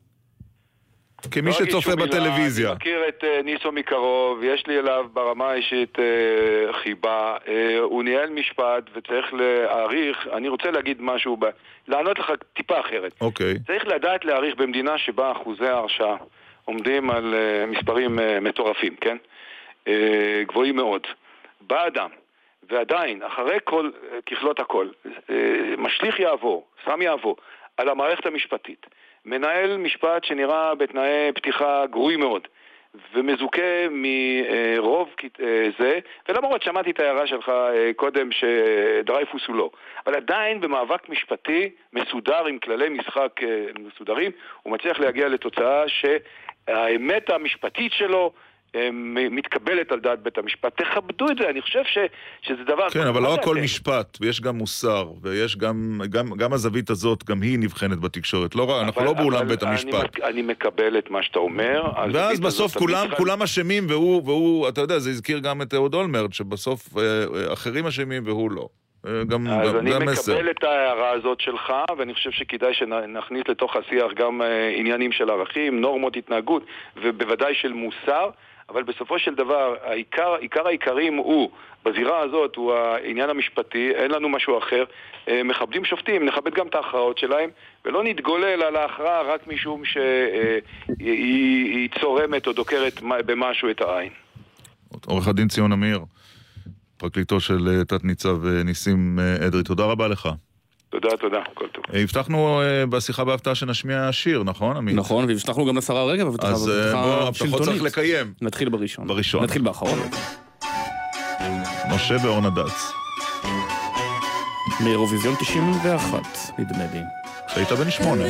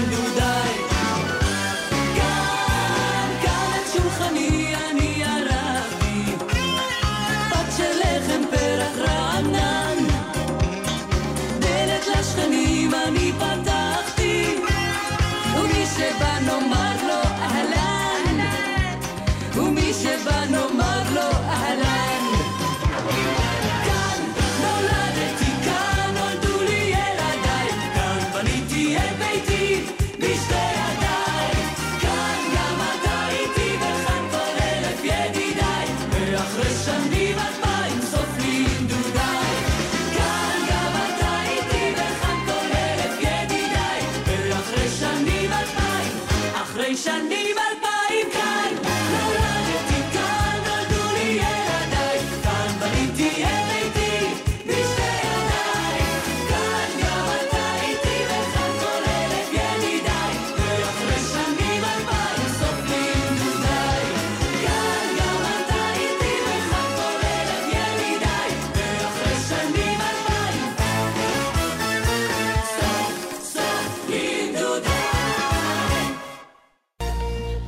10.29. אה, אמ, ראית את הדבר המדהים הזה? ש... איזה מהדברים המדהימים? היו כל מיני דברים מדהימים, על אחד מהם דיברנו קודם. השמלה של אה, יעל אבקסיס. אה, לא, לא הזיכוי וההרשעה של ניסו שחר, כן. לא, העובדה שמשה סלע, עד המדינה בפרשת שלמה בן עזרי, אומר... השר לשעבר. השר לשעבר אומר... שהורשע והוא ישב בכלא. והוא הרי זה האיש שלפי ההרשעה בשתי ערכאות, גם במחוזי וגם בעליון, שיחד את אה, בן עזרי, שקנה כן. לו בית, שיפץ לו את הבית, דאג לו והודה בכך גם, למענק, וגם. העיד על כך. ואז הוא אומר, זה לא נכון, עשיתי את זה. בלחץ. האם להאמין לו אז, להאמין לו עכשיו? אה, מדהים, נדבר קודם כל עם אדם. שיש לו ניסיון בעדי מדינה ותביעות. שלום לעורך הדין עמרי קורב. שלום וברכה. לשעבר תובע בכיר, והיום שותף במשרד טולצ'ינסקי שטרן. ראית את הדברים של משה סלע? ראיתי את הריאיון שסודר בערוץ 2. גם אתה אה, החסרת פעימה, או שאמרת, טוב, אה, זה זה טבעם של עדי מדינה, רוצים לנקות את עצמם לאחר מכן? אה, לא החסרתי פעימה, וגם לא הייתי אומר שזה טבעם של עדי מדינה, כי כמו כל עד וכמו כל בן אדם, יש טבע לעדי מדינה כמו לכל האנשים, כלומר לכל אחד יש את הטבע שלו. זה לא דבר אה, תדיר שעדי מדינה באים אה, ואומרים אה, שהכרנו בבית משפט, כי בכל זאת אה, השאלה כל, כל אדם איפה הוא נמצא באותו רגע, גם מבחינת השם שלו, גם מבחינת האינטרסים שלו. אבל אה, שמעתי שיש לכם עוד מצליחה בהפתעה, אז בואו בוא נדבר על עוד הפתעה. נו. זה לא חדש שהוא טוען שבן עזרי לא קיבל שוחד. זאת הייתה בעצם הטענה הראשונה שלו גם בחקירה במשטרה. כלומר, מדובר באדם שמלכתחילה יש לו יותר מגרסה אחת. נכון, אבל, אבל, זה, אבל זו דרכם של עדי מדינה, זה נכון גם לפילבר, נכון לאהרון, נכון לניר חפץ, וזה נכון גם למשה סלע. כשחותמים איתם גם צופים שזו אולי תהיה ההתפתחות אז, אחרי המשפט. אז איך אנחנו יודעים היום להגיד... מי ה- מי ה- מי איזה- איזה משה סלע דובר אמת? בדיוק. תראו, קודם כל, רק אה, אלוהים יודע, כמו שאומרים. אנחנו לא יודעים כלום. אנחנו גם יודעים שאנחנו, אה, מערכת המשפט במדינת ישראל עושה את הכי טוב שהיא יכולה, אני מקווה. ויש סנגורים ויש קטגורים, ובכלא יושבים גם אנשים חפים מפשע. ואחרי שאמרנו כל הדברים האלה, ואולי אפילו בן נזרי, אני מקווה בשבילו שאם הוא ישב בכלא שהוא לא חף מפשע, כבר קשה להגיד שאני מקווה שהוא חף מפשע, כי אז זה אומר שהוא ישב בכלא על לא עוול בכפו, אבל uh, בסופו של יום יש כללים במדינת ישראל, בית משפט הרשיע אותו על סמך העדות של עד לא, אבל גם. יש משפטים חוזרים. א- א- אני רוצה לדייק את השאלה. יש הרי כללים, בגלל שבית המשפט מודע לרגישות של עבריינים אה, אה, די מדינה, הוא קורא לזה כורח בל יגונה. אה, איך, מה- מה מה הכללים שקבע בית המשפט כדי אה, לוודא שעד המדינה אומר אמת? מה החיזוק הראייתי שהוא דורש? קודם כל, החוק קובע שצריך לכאורה סיוע לגבי אה, עדי מדינה. למה אני אומר לכאורה סיוע? כי בעבירת שוחד, החוק עצמו קובע שבעבירה הספציפית הזאת לא נדרש סיוע. בית משפט עליון, כשדן בסוגיה הזאת, שאל מה גובר על מה. האם אה, בגלל שמדובר בעד מדינה יש צורך בסיוע, או בגלל שיש את הסעיף הספציפי שאומר ששותף לעבירת שוחד לא צריך סיוע, אז לא צריך סיוע, וקבע שלא צריך סיוע.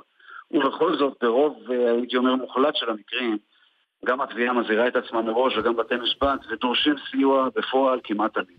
עכשיו, גם במקרה הזה של בן נזרי, עד כמה שאני מכיר את פסק הדין, נדרש סיוע. צריך לזכור שהתביעה פה, למיטב זיכרוני, אמרה כבר בנאום הפתיחה שמדובר בעת שהוא אה, אה, משקר. נכון. אה, לא זה כמו שקרן, וגם אה, בית המשפט בהכרעת הדין קובע שהעד אה, שקרן. אז מה החיזוק הראייתי שיש בעבירות שוחד? אתה יודע מה, הרי אתה מבין שאנחנו שואלים לא רק על בן יזרי, אלא גם על מה שצפוי לנתניהו כנראה. אז כל מקרה הוא לגופו מה שנקרא, הרי יש מקרים שהעד המרכזי הוא עד המדינה ויש רק סיועים, ויש מקרים שעדי המדינה הם הדבר העיקרי ו... ובעצם אם אתה מפיל אותם נופל התיק. אם אנחנו לוקחים את התיק של בן נזרי למשל, בן נזרי הורשע ביותר מפרשה אחת. אה, וההרשעות בשוחד, אפשר לומר שנרשעות, אה, שהיו נופלות בלי עד המדינה. הרשעות בהפרות אמונים, לא.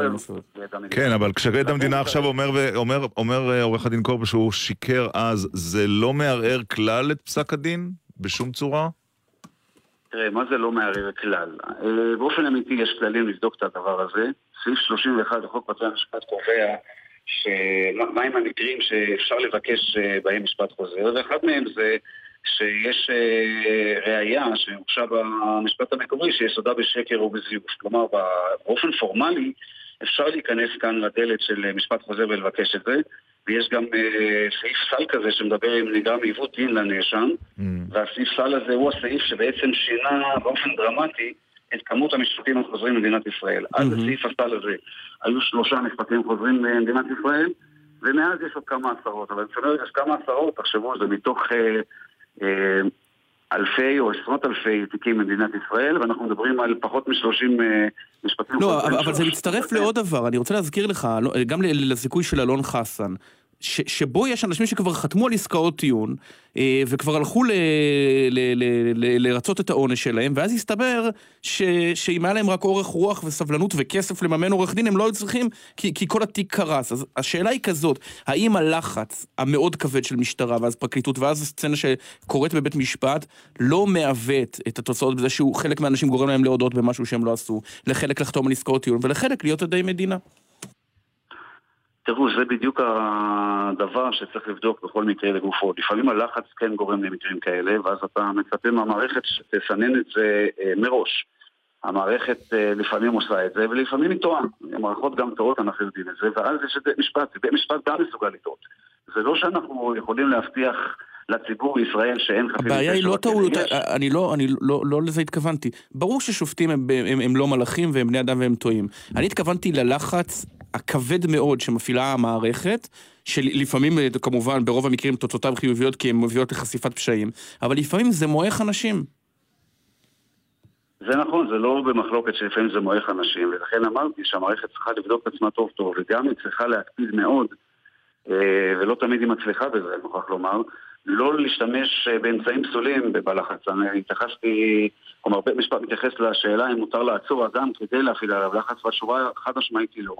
ואנחנו יודעים שלפעמים, גם אם לא מצהירים על זה בפועל, זה עובד אה, ועומד אה, בראש של אנשים כשהם עוצרים אנשים, ואנחנו יודעים שזה משפיע על אנשים, וזה דבר שצריך לבדוק אותו בדוק היטב. אני רק אומר שוב, אני לא, כשמתייחסים למקרה הספציפי של בן נזרי, שאלתם אם החזרתי פעימה, כן. אני אוקיי. מעריך שהוא לא, הוא הרי אמר שהוא לא יגיש כנראה משפט חוזר בשלב הזה, ואני לא חושב שהוא עושה את זה במקרה, מביישנות, כן. מצניעות. אוקיי, אני רוצה אבל לבקש ממך, עורך הדין קור, כיוון שהיית הרבה מאוד שנים בפרקליטות המדינה, אה, להיכנס לצורך שיחתנו לרגע אחד לראשו של היועץ המשפטי לממשלה, אה, אביחי מנדלבליט. הזיכוי של אלון חסן והכרעת הדין, כולל הזיכויים בניצב, של ניצב ניסו שחם, מה עובר בראשו של היועץ המשפטי, המשפטי לממשלה כשהוא צריך להחליט בעניינו של ראש ממשלת ישראל?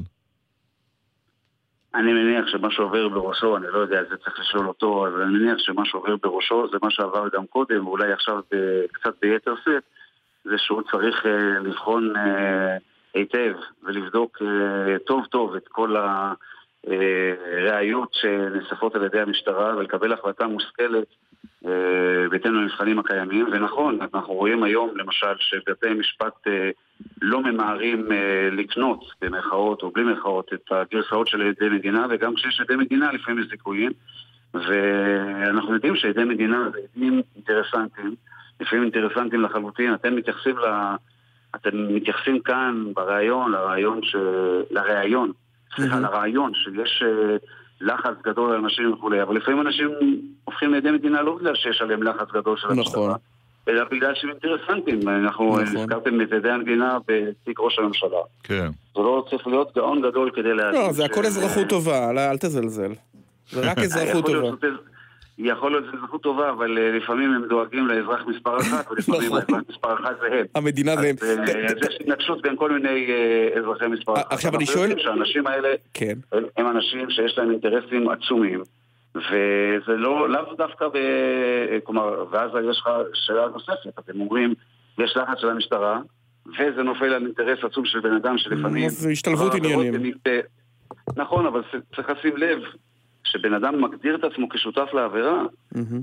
אם אנחנו לוקחים אפילו את עדי המדינה בפרשת ראש הממשלה, והדבר הזה יצטרך להיבדק. יש להם אינטרסים עצמאיים, אז זה שמגדירים את עצמם כשותפים לעבירה, יכול להיות שהם עבריינים עיקריים ועצמאיים, והם עכשיו מגדירים את עצמם כשותפים לעבירה. נכון. זה המוצא שלהם. אז החיים הם לא פשוטים. כן. ואלוהים נמצא בפרטים הקטנים. ו- וראינו שכיוון שהחיים לא פשוטים, אז יש עוד השלמות חקירה עכשיו בתיקי אלף ואלפיים, זה עוד ילווה אותנו הרבה שנים, הדבר הזה.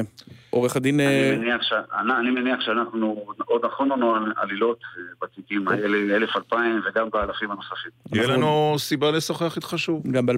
עורך דין אורי קורף, תודה רבה אני- לך. אני, אני תמיד אשמח. אתה תהיה זמין גם תהיה ב-2020, זמין. אתה אומר. בסדר גמור, רשמנו. לפנינו. שכן. אריכות ימים לכולם. תודה רבה. אה, שמת לב שהיועץ המשפטי לממשלה, אה, המשטרה ביקשה השלמות בתיקי אלף ואלפיים. הפרקליטות ביקשה. כן, בש- השלמות. כן.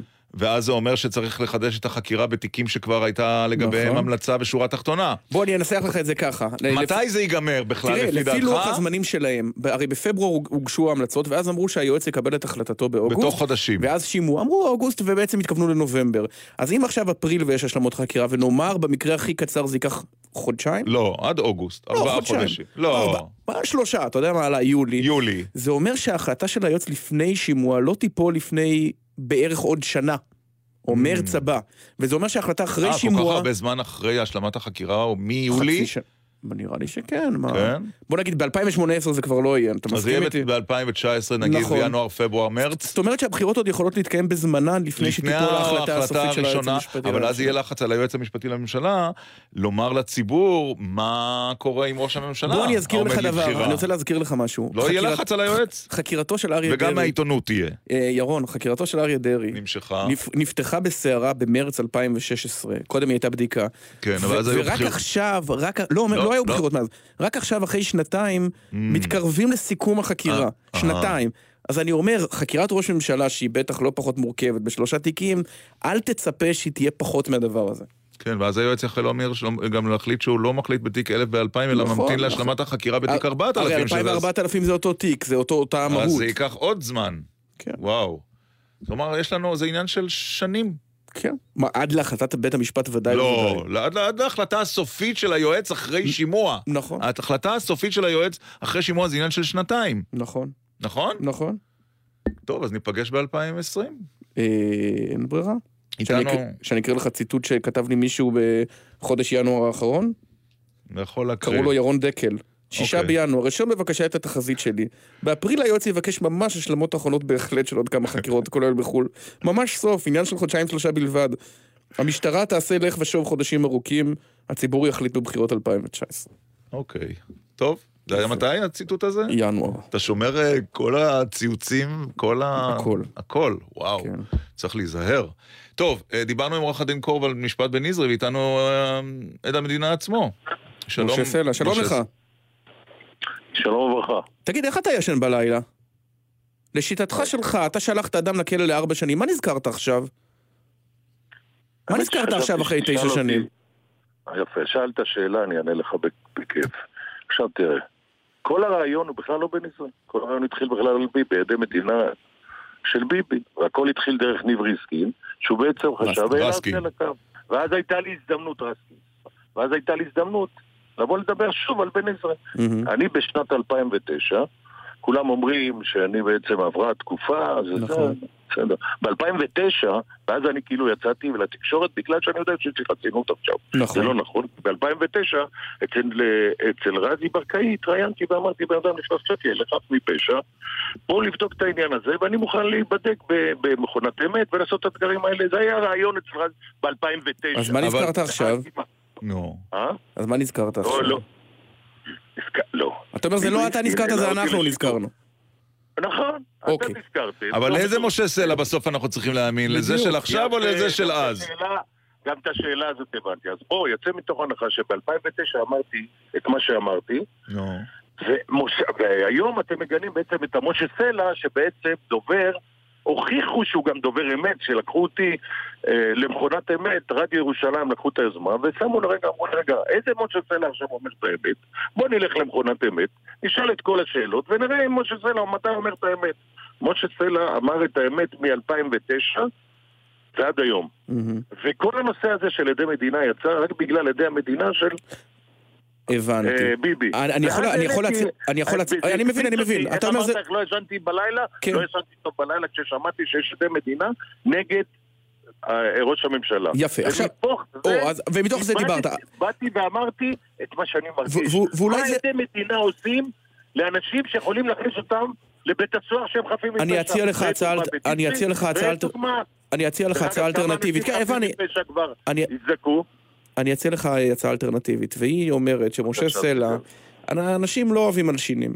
ראית מה אמר יורם גאון על ידי מדינה בפרשות ברור, נתניהו, ואתה, מה. אכפת לך להגיד את זה? כי אם אתה אומר שבן יזרע חף מפשע, נגזר מזה ממילא שגם אתה חף מפשע ממתן השוחד. אה, סגל, אתה, אני מאוד מעריך אותך, אבל בוא, בוא, בוא תקרא לילד בשמו. יש פה בן אדם שנכנס לבית הסוהר וצריך לבדוק בחף מפשע. בעזרתי הוא נכנס לפשע. אני רוצה להיות נקי מצפוני, מעלה את זה ב-2009, אף אחד לא מרים את הדגל ואומר, רגע, בוא נבדוק את זה. אני גם מביא ראיות וגם בדיקה של פוליגרף שאני דובר אמת היום. ולא רק זה, אלא גם סיפרתי... אז למה הוא לא מבקש משפט חוזר? אז למה הוא לא מבקש זה משפט חוזר? תראה, בעניין של בן עזרי זה לא מעניין אותי, מעניין אותי המצפון שלי. מעניין אותי מצפון שלי בלבד. אז רגע, אז תן לי לא להבין, אז תן לי. משה סלע, תן לי להבין. לא היה שיפוץ דירה על חשבונך, ולא זה שקנית דירה לידו ונתת לו מטראז', ולא נתת לו 40 אלף דולר מענק, כל זה לא היה ולא לא נברא? היה, בדיוק. לא היה? ואף מש- ואף משל לא היה. תראה איך אתם מחפשים את הדברים הטפלים. תראה. לא, את האמת, רק את האמת, אנחנו מחפשים הדבר הטפל היה. הקטן הזה שקוראים לו אמת. אבל אנחנו לא מצליחים איתך כל היה. כך. לא היה דבר שלא היה. חוץ מזה שכל מה שהיה הוא היה בתור חבר שלי, היינו חברים, אחד עוזר לשני. ומותר לקבל לא היה מתנות פה עניין מחברים. של שוחד. אוקיי. מותר, אבל לא היה פה עניין של שוחד בכלל. אוקיי. אני מעולם לא נתתי לו שוחד. תגיד, אז בוא נדבר שנייה על המנגנון, ובוא נדבר על... בוא נדבר על המנגנון ובזה נסיים. אז לשיטתך, שאתה אומר ש, שבעצם נאלצת לעלות לבית משפט ולתת עדות אה, שהיא עדות שקר, מה היה רגע הלחץ מצד הפרקליטות והמשטרה שגרם לך להישבר ולהגיד אני עד מדינה? תראה, מאחר וראינו את אה, החבר'ה של ביבי, הכל עדי המדינה, שלושתם ביחד, ניב וכל החבר'ה האלה שם, ובעצם זה קומם אותי וזה... זה פשוט נתן לי לא לישון בלילה. וכשניב ריסקין התקשר אליי, אני מאוד שמחתי להעלות את הנושא הזה, מה בעצם התחושות של עדי מדינה. באותה תקופה, אני אגיד לך, הייתי בחקירות, היינו במעצרים, היינו בתקופה הכי שפלה שיכולה להיות.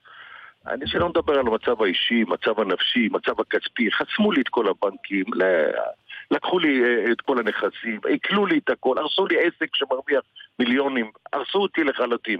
ילדים לבד, חמישה ילדות לבד בבית, יושבים בבית, ללא חשמל בבית. אין כסף לבוא, אין מצב שאתה יכול לבוא. באים ואומרים לי כל מיני, אתה תגיע למצב שאפילו שומר בבית ספר אתה לא תהיה. האישה ברחה לחוץ לארץ, משאירים אותי לבד, אין מי שיעזור. בוא תגיד לי עכשיו אתה, ניר אה, סגל, אם אתה היית במקום שלי, חס וחלילה, אני לא מאחל לך את זה. אין סיכוי. מה היית מרגיש? איך היית? אין סיכוי, בסדר. אני טוב. בטוח ש... איפה היית שם? בוא נשאיר את זה עם סימן שאלה. הכל, המשטרה מנצלת את זה, המשטרה מנצלת את זה, מביאה אותך למקום שמארגנת לך פסיכולוג ופסיכיאטר כדי שתובילו אותך למקומות האלה, ובנוסף לכל הסיפורים מסביב שכולם יודעים אותם. נעצור כאן, אה, משה סלע, זה מתחיל ושם זה נגמר. עד המדינה בתיק אה, בניזרי, אנחנו מאוד מודים לך על השיחה הזו. חן חן לכם. יש רק תגובה של שלמה בן יזרי. Mm, אוקיי. אה, אין לי אמון במערכת המשפט שחיפשה אותי לאורך כל הדרך, אין לי כוח להיכנס לכל הסאגה הזו של משפט של שנים, וזמני יקר מאשר לבזבז אותו במערכת משפט כזו. אני רק שואל מדוע המערכת לא בודקת את עצמה היום לאור דבריו החמורים ולאור העובדה שניהל רומן עם החוקרת. Mm. תגיד, אתה חושב שבאיזשהו שלב יהיה דיון סביב אה, כמות עדי המדינה? אני אגיד לך משהו? חשבתי, זה כמו שיהיה דיון על היקפי הפשיעה של אלשיך, וכמו שיהיה דיון על המחלקה לחקירות שוטרים, הכל כפוף לדיון הגדול, כן ביבי, לא ביבי, אמור לי מה העמדה שלך על נתניהו, ואני אגיד לך אם מה יהיה העמדה שלך על... דיון או לא יהיה דיון. לא, אני אגיד לך מה העמדה שלך על ידי מדינה, על הפשיעה בנגב, על ההצתות המשואות, החקלאיות, על טקס המשואות. על השיטפונות בדרום, על הבדואים היורים. על צפון קוריאה, מה שאתה רוצה. תן לי רק, תגיד לי שאלה אחת, בעד ביבי או נגדו? אוי, טוב. זה לא היה ככה, נכון? גם עם שרון ואולמרט לא היה וביבי אף קדנציה פעם. ככה. לא ככה. לא היה אף פעם ככה. מעניין. אה, עכשיו זמן לאדם מן היישוב. דבוריי, אומרים. לא דבוריי? דבוריי. דבוריי? מה שהיה פעם קברן. נכון. שלום לאריה טנדט, שלום אה, וצהריים טובים. ממושב עמיקם. כשאתה אומר צהריים טובים זה אומר שקמת מאוד מוקדם היום, נכון? חיובי, אני קם כל בוקר מאוד מוקדם. דבוריי, דבוריי אוהב דבורים? דבוריי אוהב דבורים. והן אוהבות אותו? סביר להניח שכן, זה הדדי. רגע, רגע, מתי קמת הבוקר? אני קם כל בוקר בחמש וחצי. למה? כי יש רדיעת בוקר של הדבש? אה, במקרה בימים האלה כרגע לא רודים, אה, מאחר ומזג האוויר אינו מאפשר, אנחנו צריכים ימים אה, בהירים וחמים בשביל... אז מה עושים ביום כזה? אבל ביום כזה מסדרים את המכון רדיעה, מנקים, עושים שיפורים קלים ומחכים ליום בהיר. ואתה מסתובב עם החליפת ההגנה הזאת, או שדבוראים דבוראים לא צריכים אותה? אה, דבוראים אה, בדרך כלל הולכים אה, כשהם רודים עם מסווה. בגדול הדבורה היום היא יחסית מאוד שקטה וניתן לעבוד אפילו ללא מסווה. היא יודעת כשאתה, הדבורים יודעות שאתה זה אתה, ואם עמית יגיע הם יזהו אותו כגורם עוין? סביר להניח שהם לא יזהו לא אותי ולא את עמית, אוקיי. אבל צריך לדעת להתנהג עם הדבורים בצורה כזאת שהם לא יהיו תוקפניות כלפיך. אז אם אתה הרבה שנים במקצוע, אתה לומד את זה. כמה פעמים נעקצת? אני נעקץ כל יום מספר פעמים. זה באמת? לא... כל יום?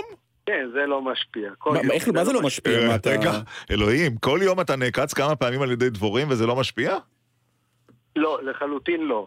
והגוף אה, מתחסן, אה, הוא מקבל את ההרס הזה והוא לא מגיב אליו. וואו. זו אהבה מאוד לוהטת, האהבה של הדבורה אל הדבורים, הן עוקצות אותו כל הזמן. אה, כן, גם אני חושב ש, שדבוראי לא יכול להיות אה, אדם שלא מאוהב בדבורים, הוא לא יכול במקצוע הזה אה, לשרוד לאורך שנים. באיזה גיל התאהבת בדבורה? אני מגיל מאוד צעיר, אני מגיל 12-13, כבר היה לי מכיל דבורים בחצר. ו- כילד? אבל מתי אה, החלטת שזה יהיה המקצוע כן. שלך?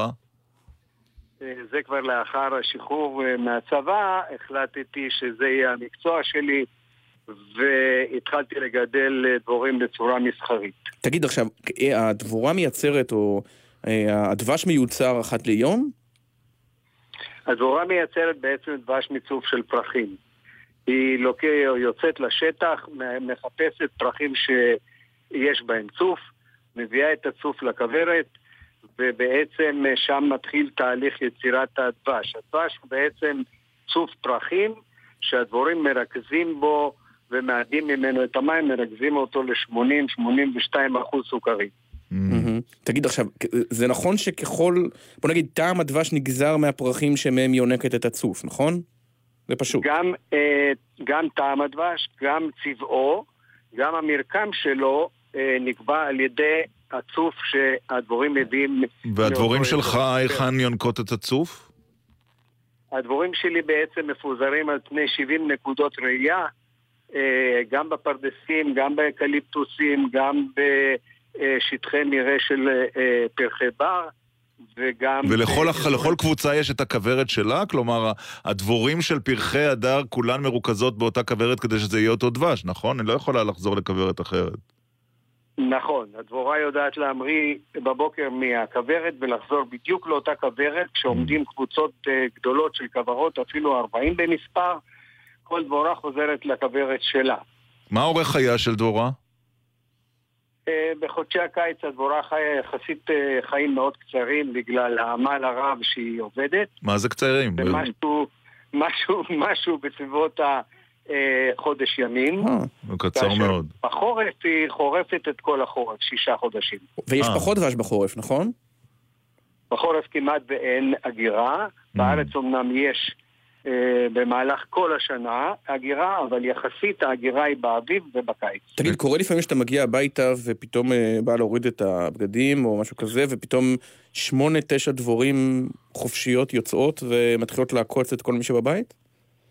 אה, זה קורה לעיתים קרובות שאני מגיע הביתה ומסיר את הסרבל, ויוצאים משם דבורים, והם בדרך כלל לא עוקצים.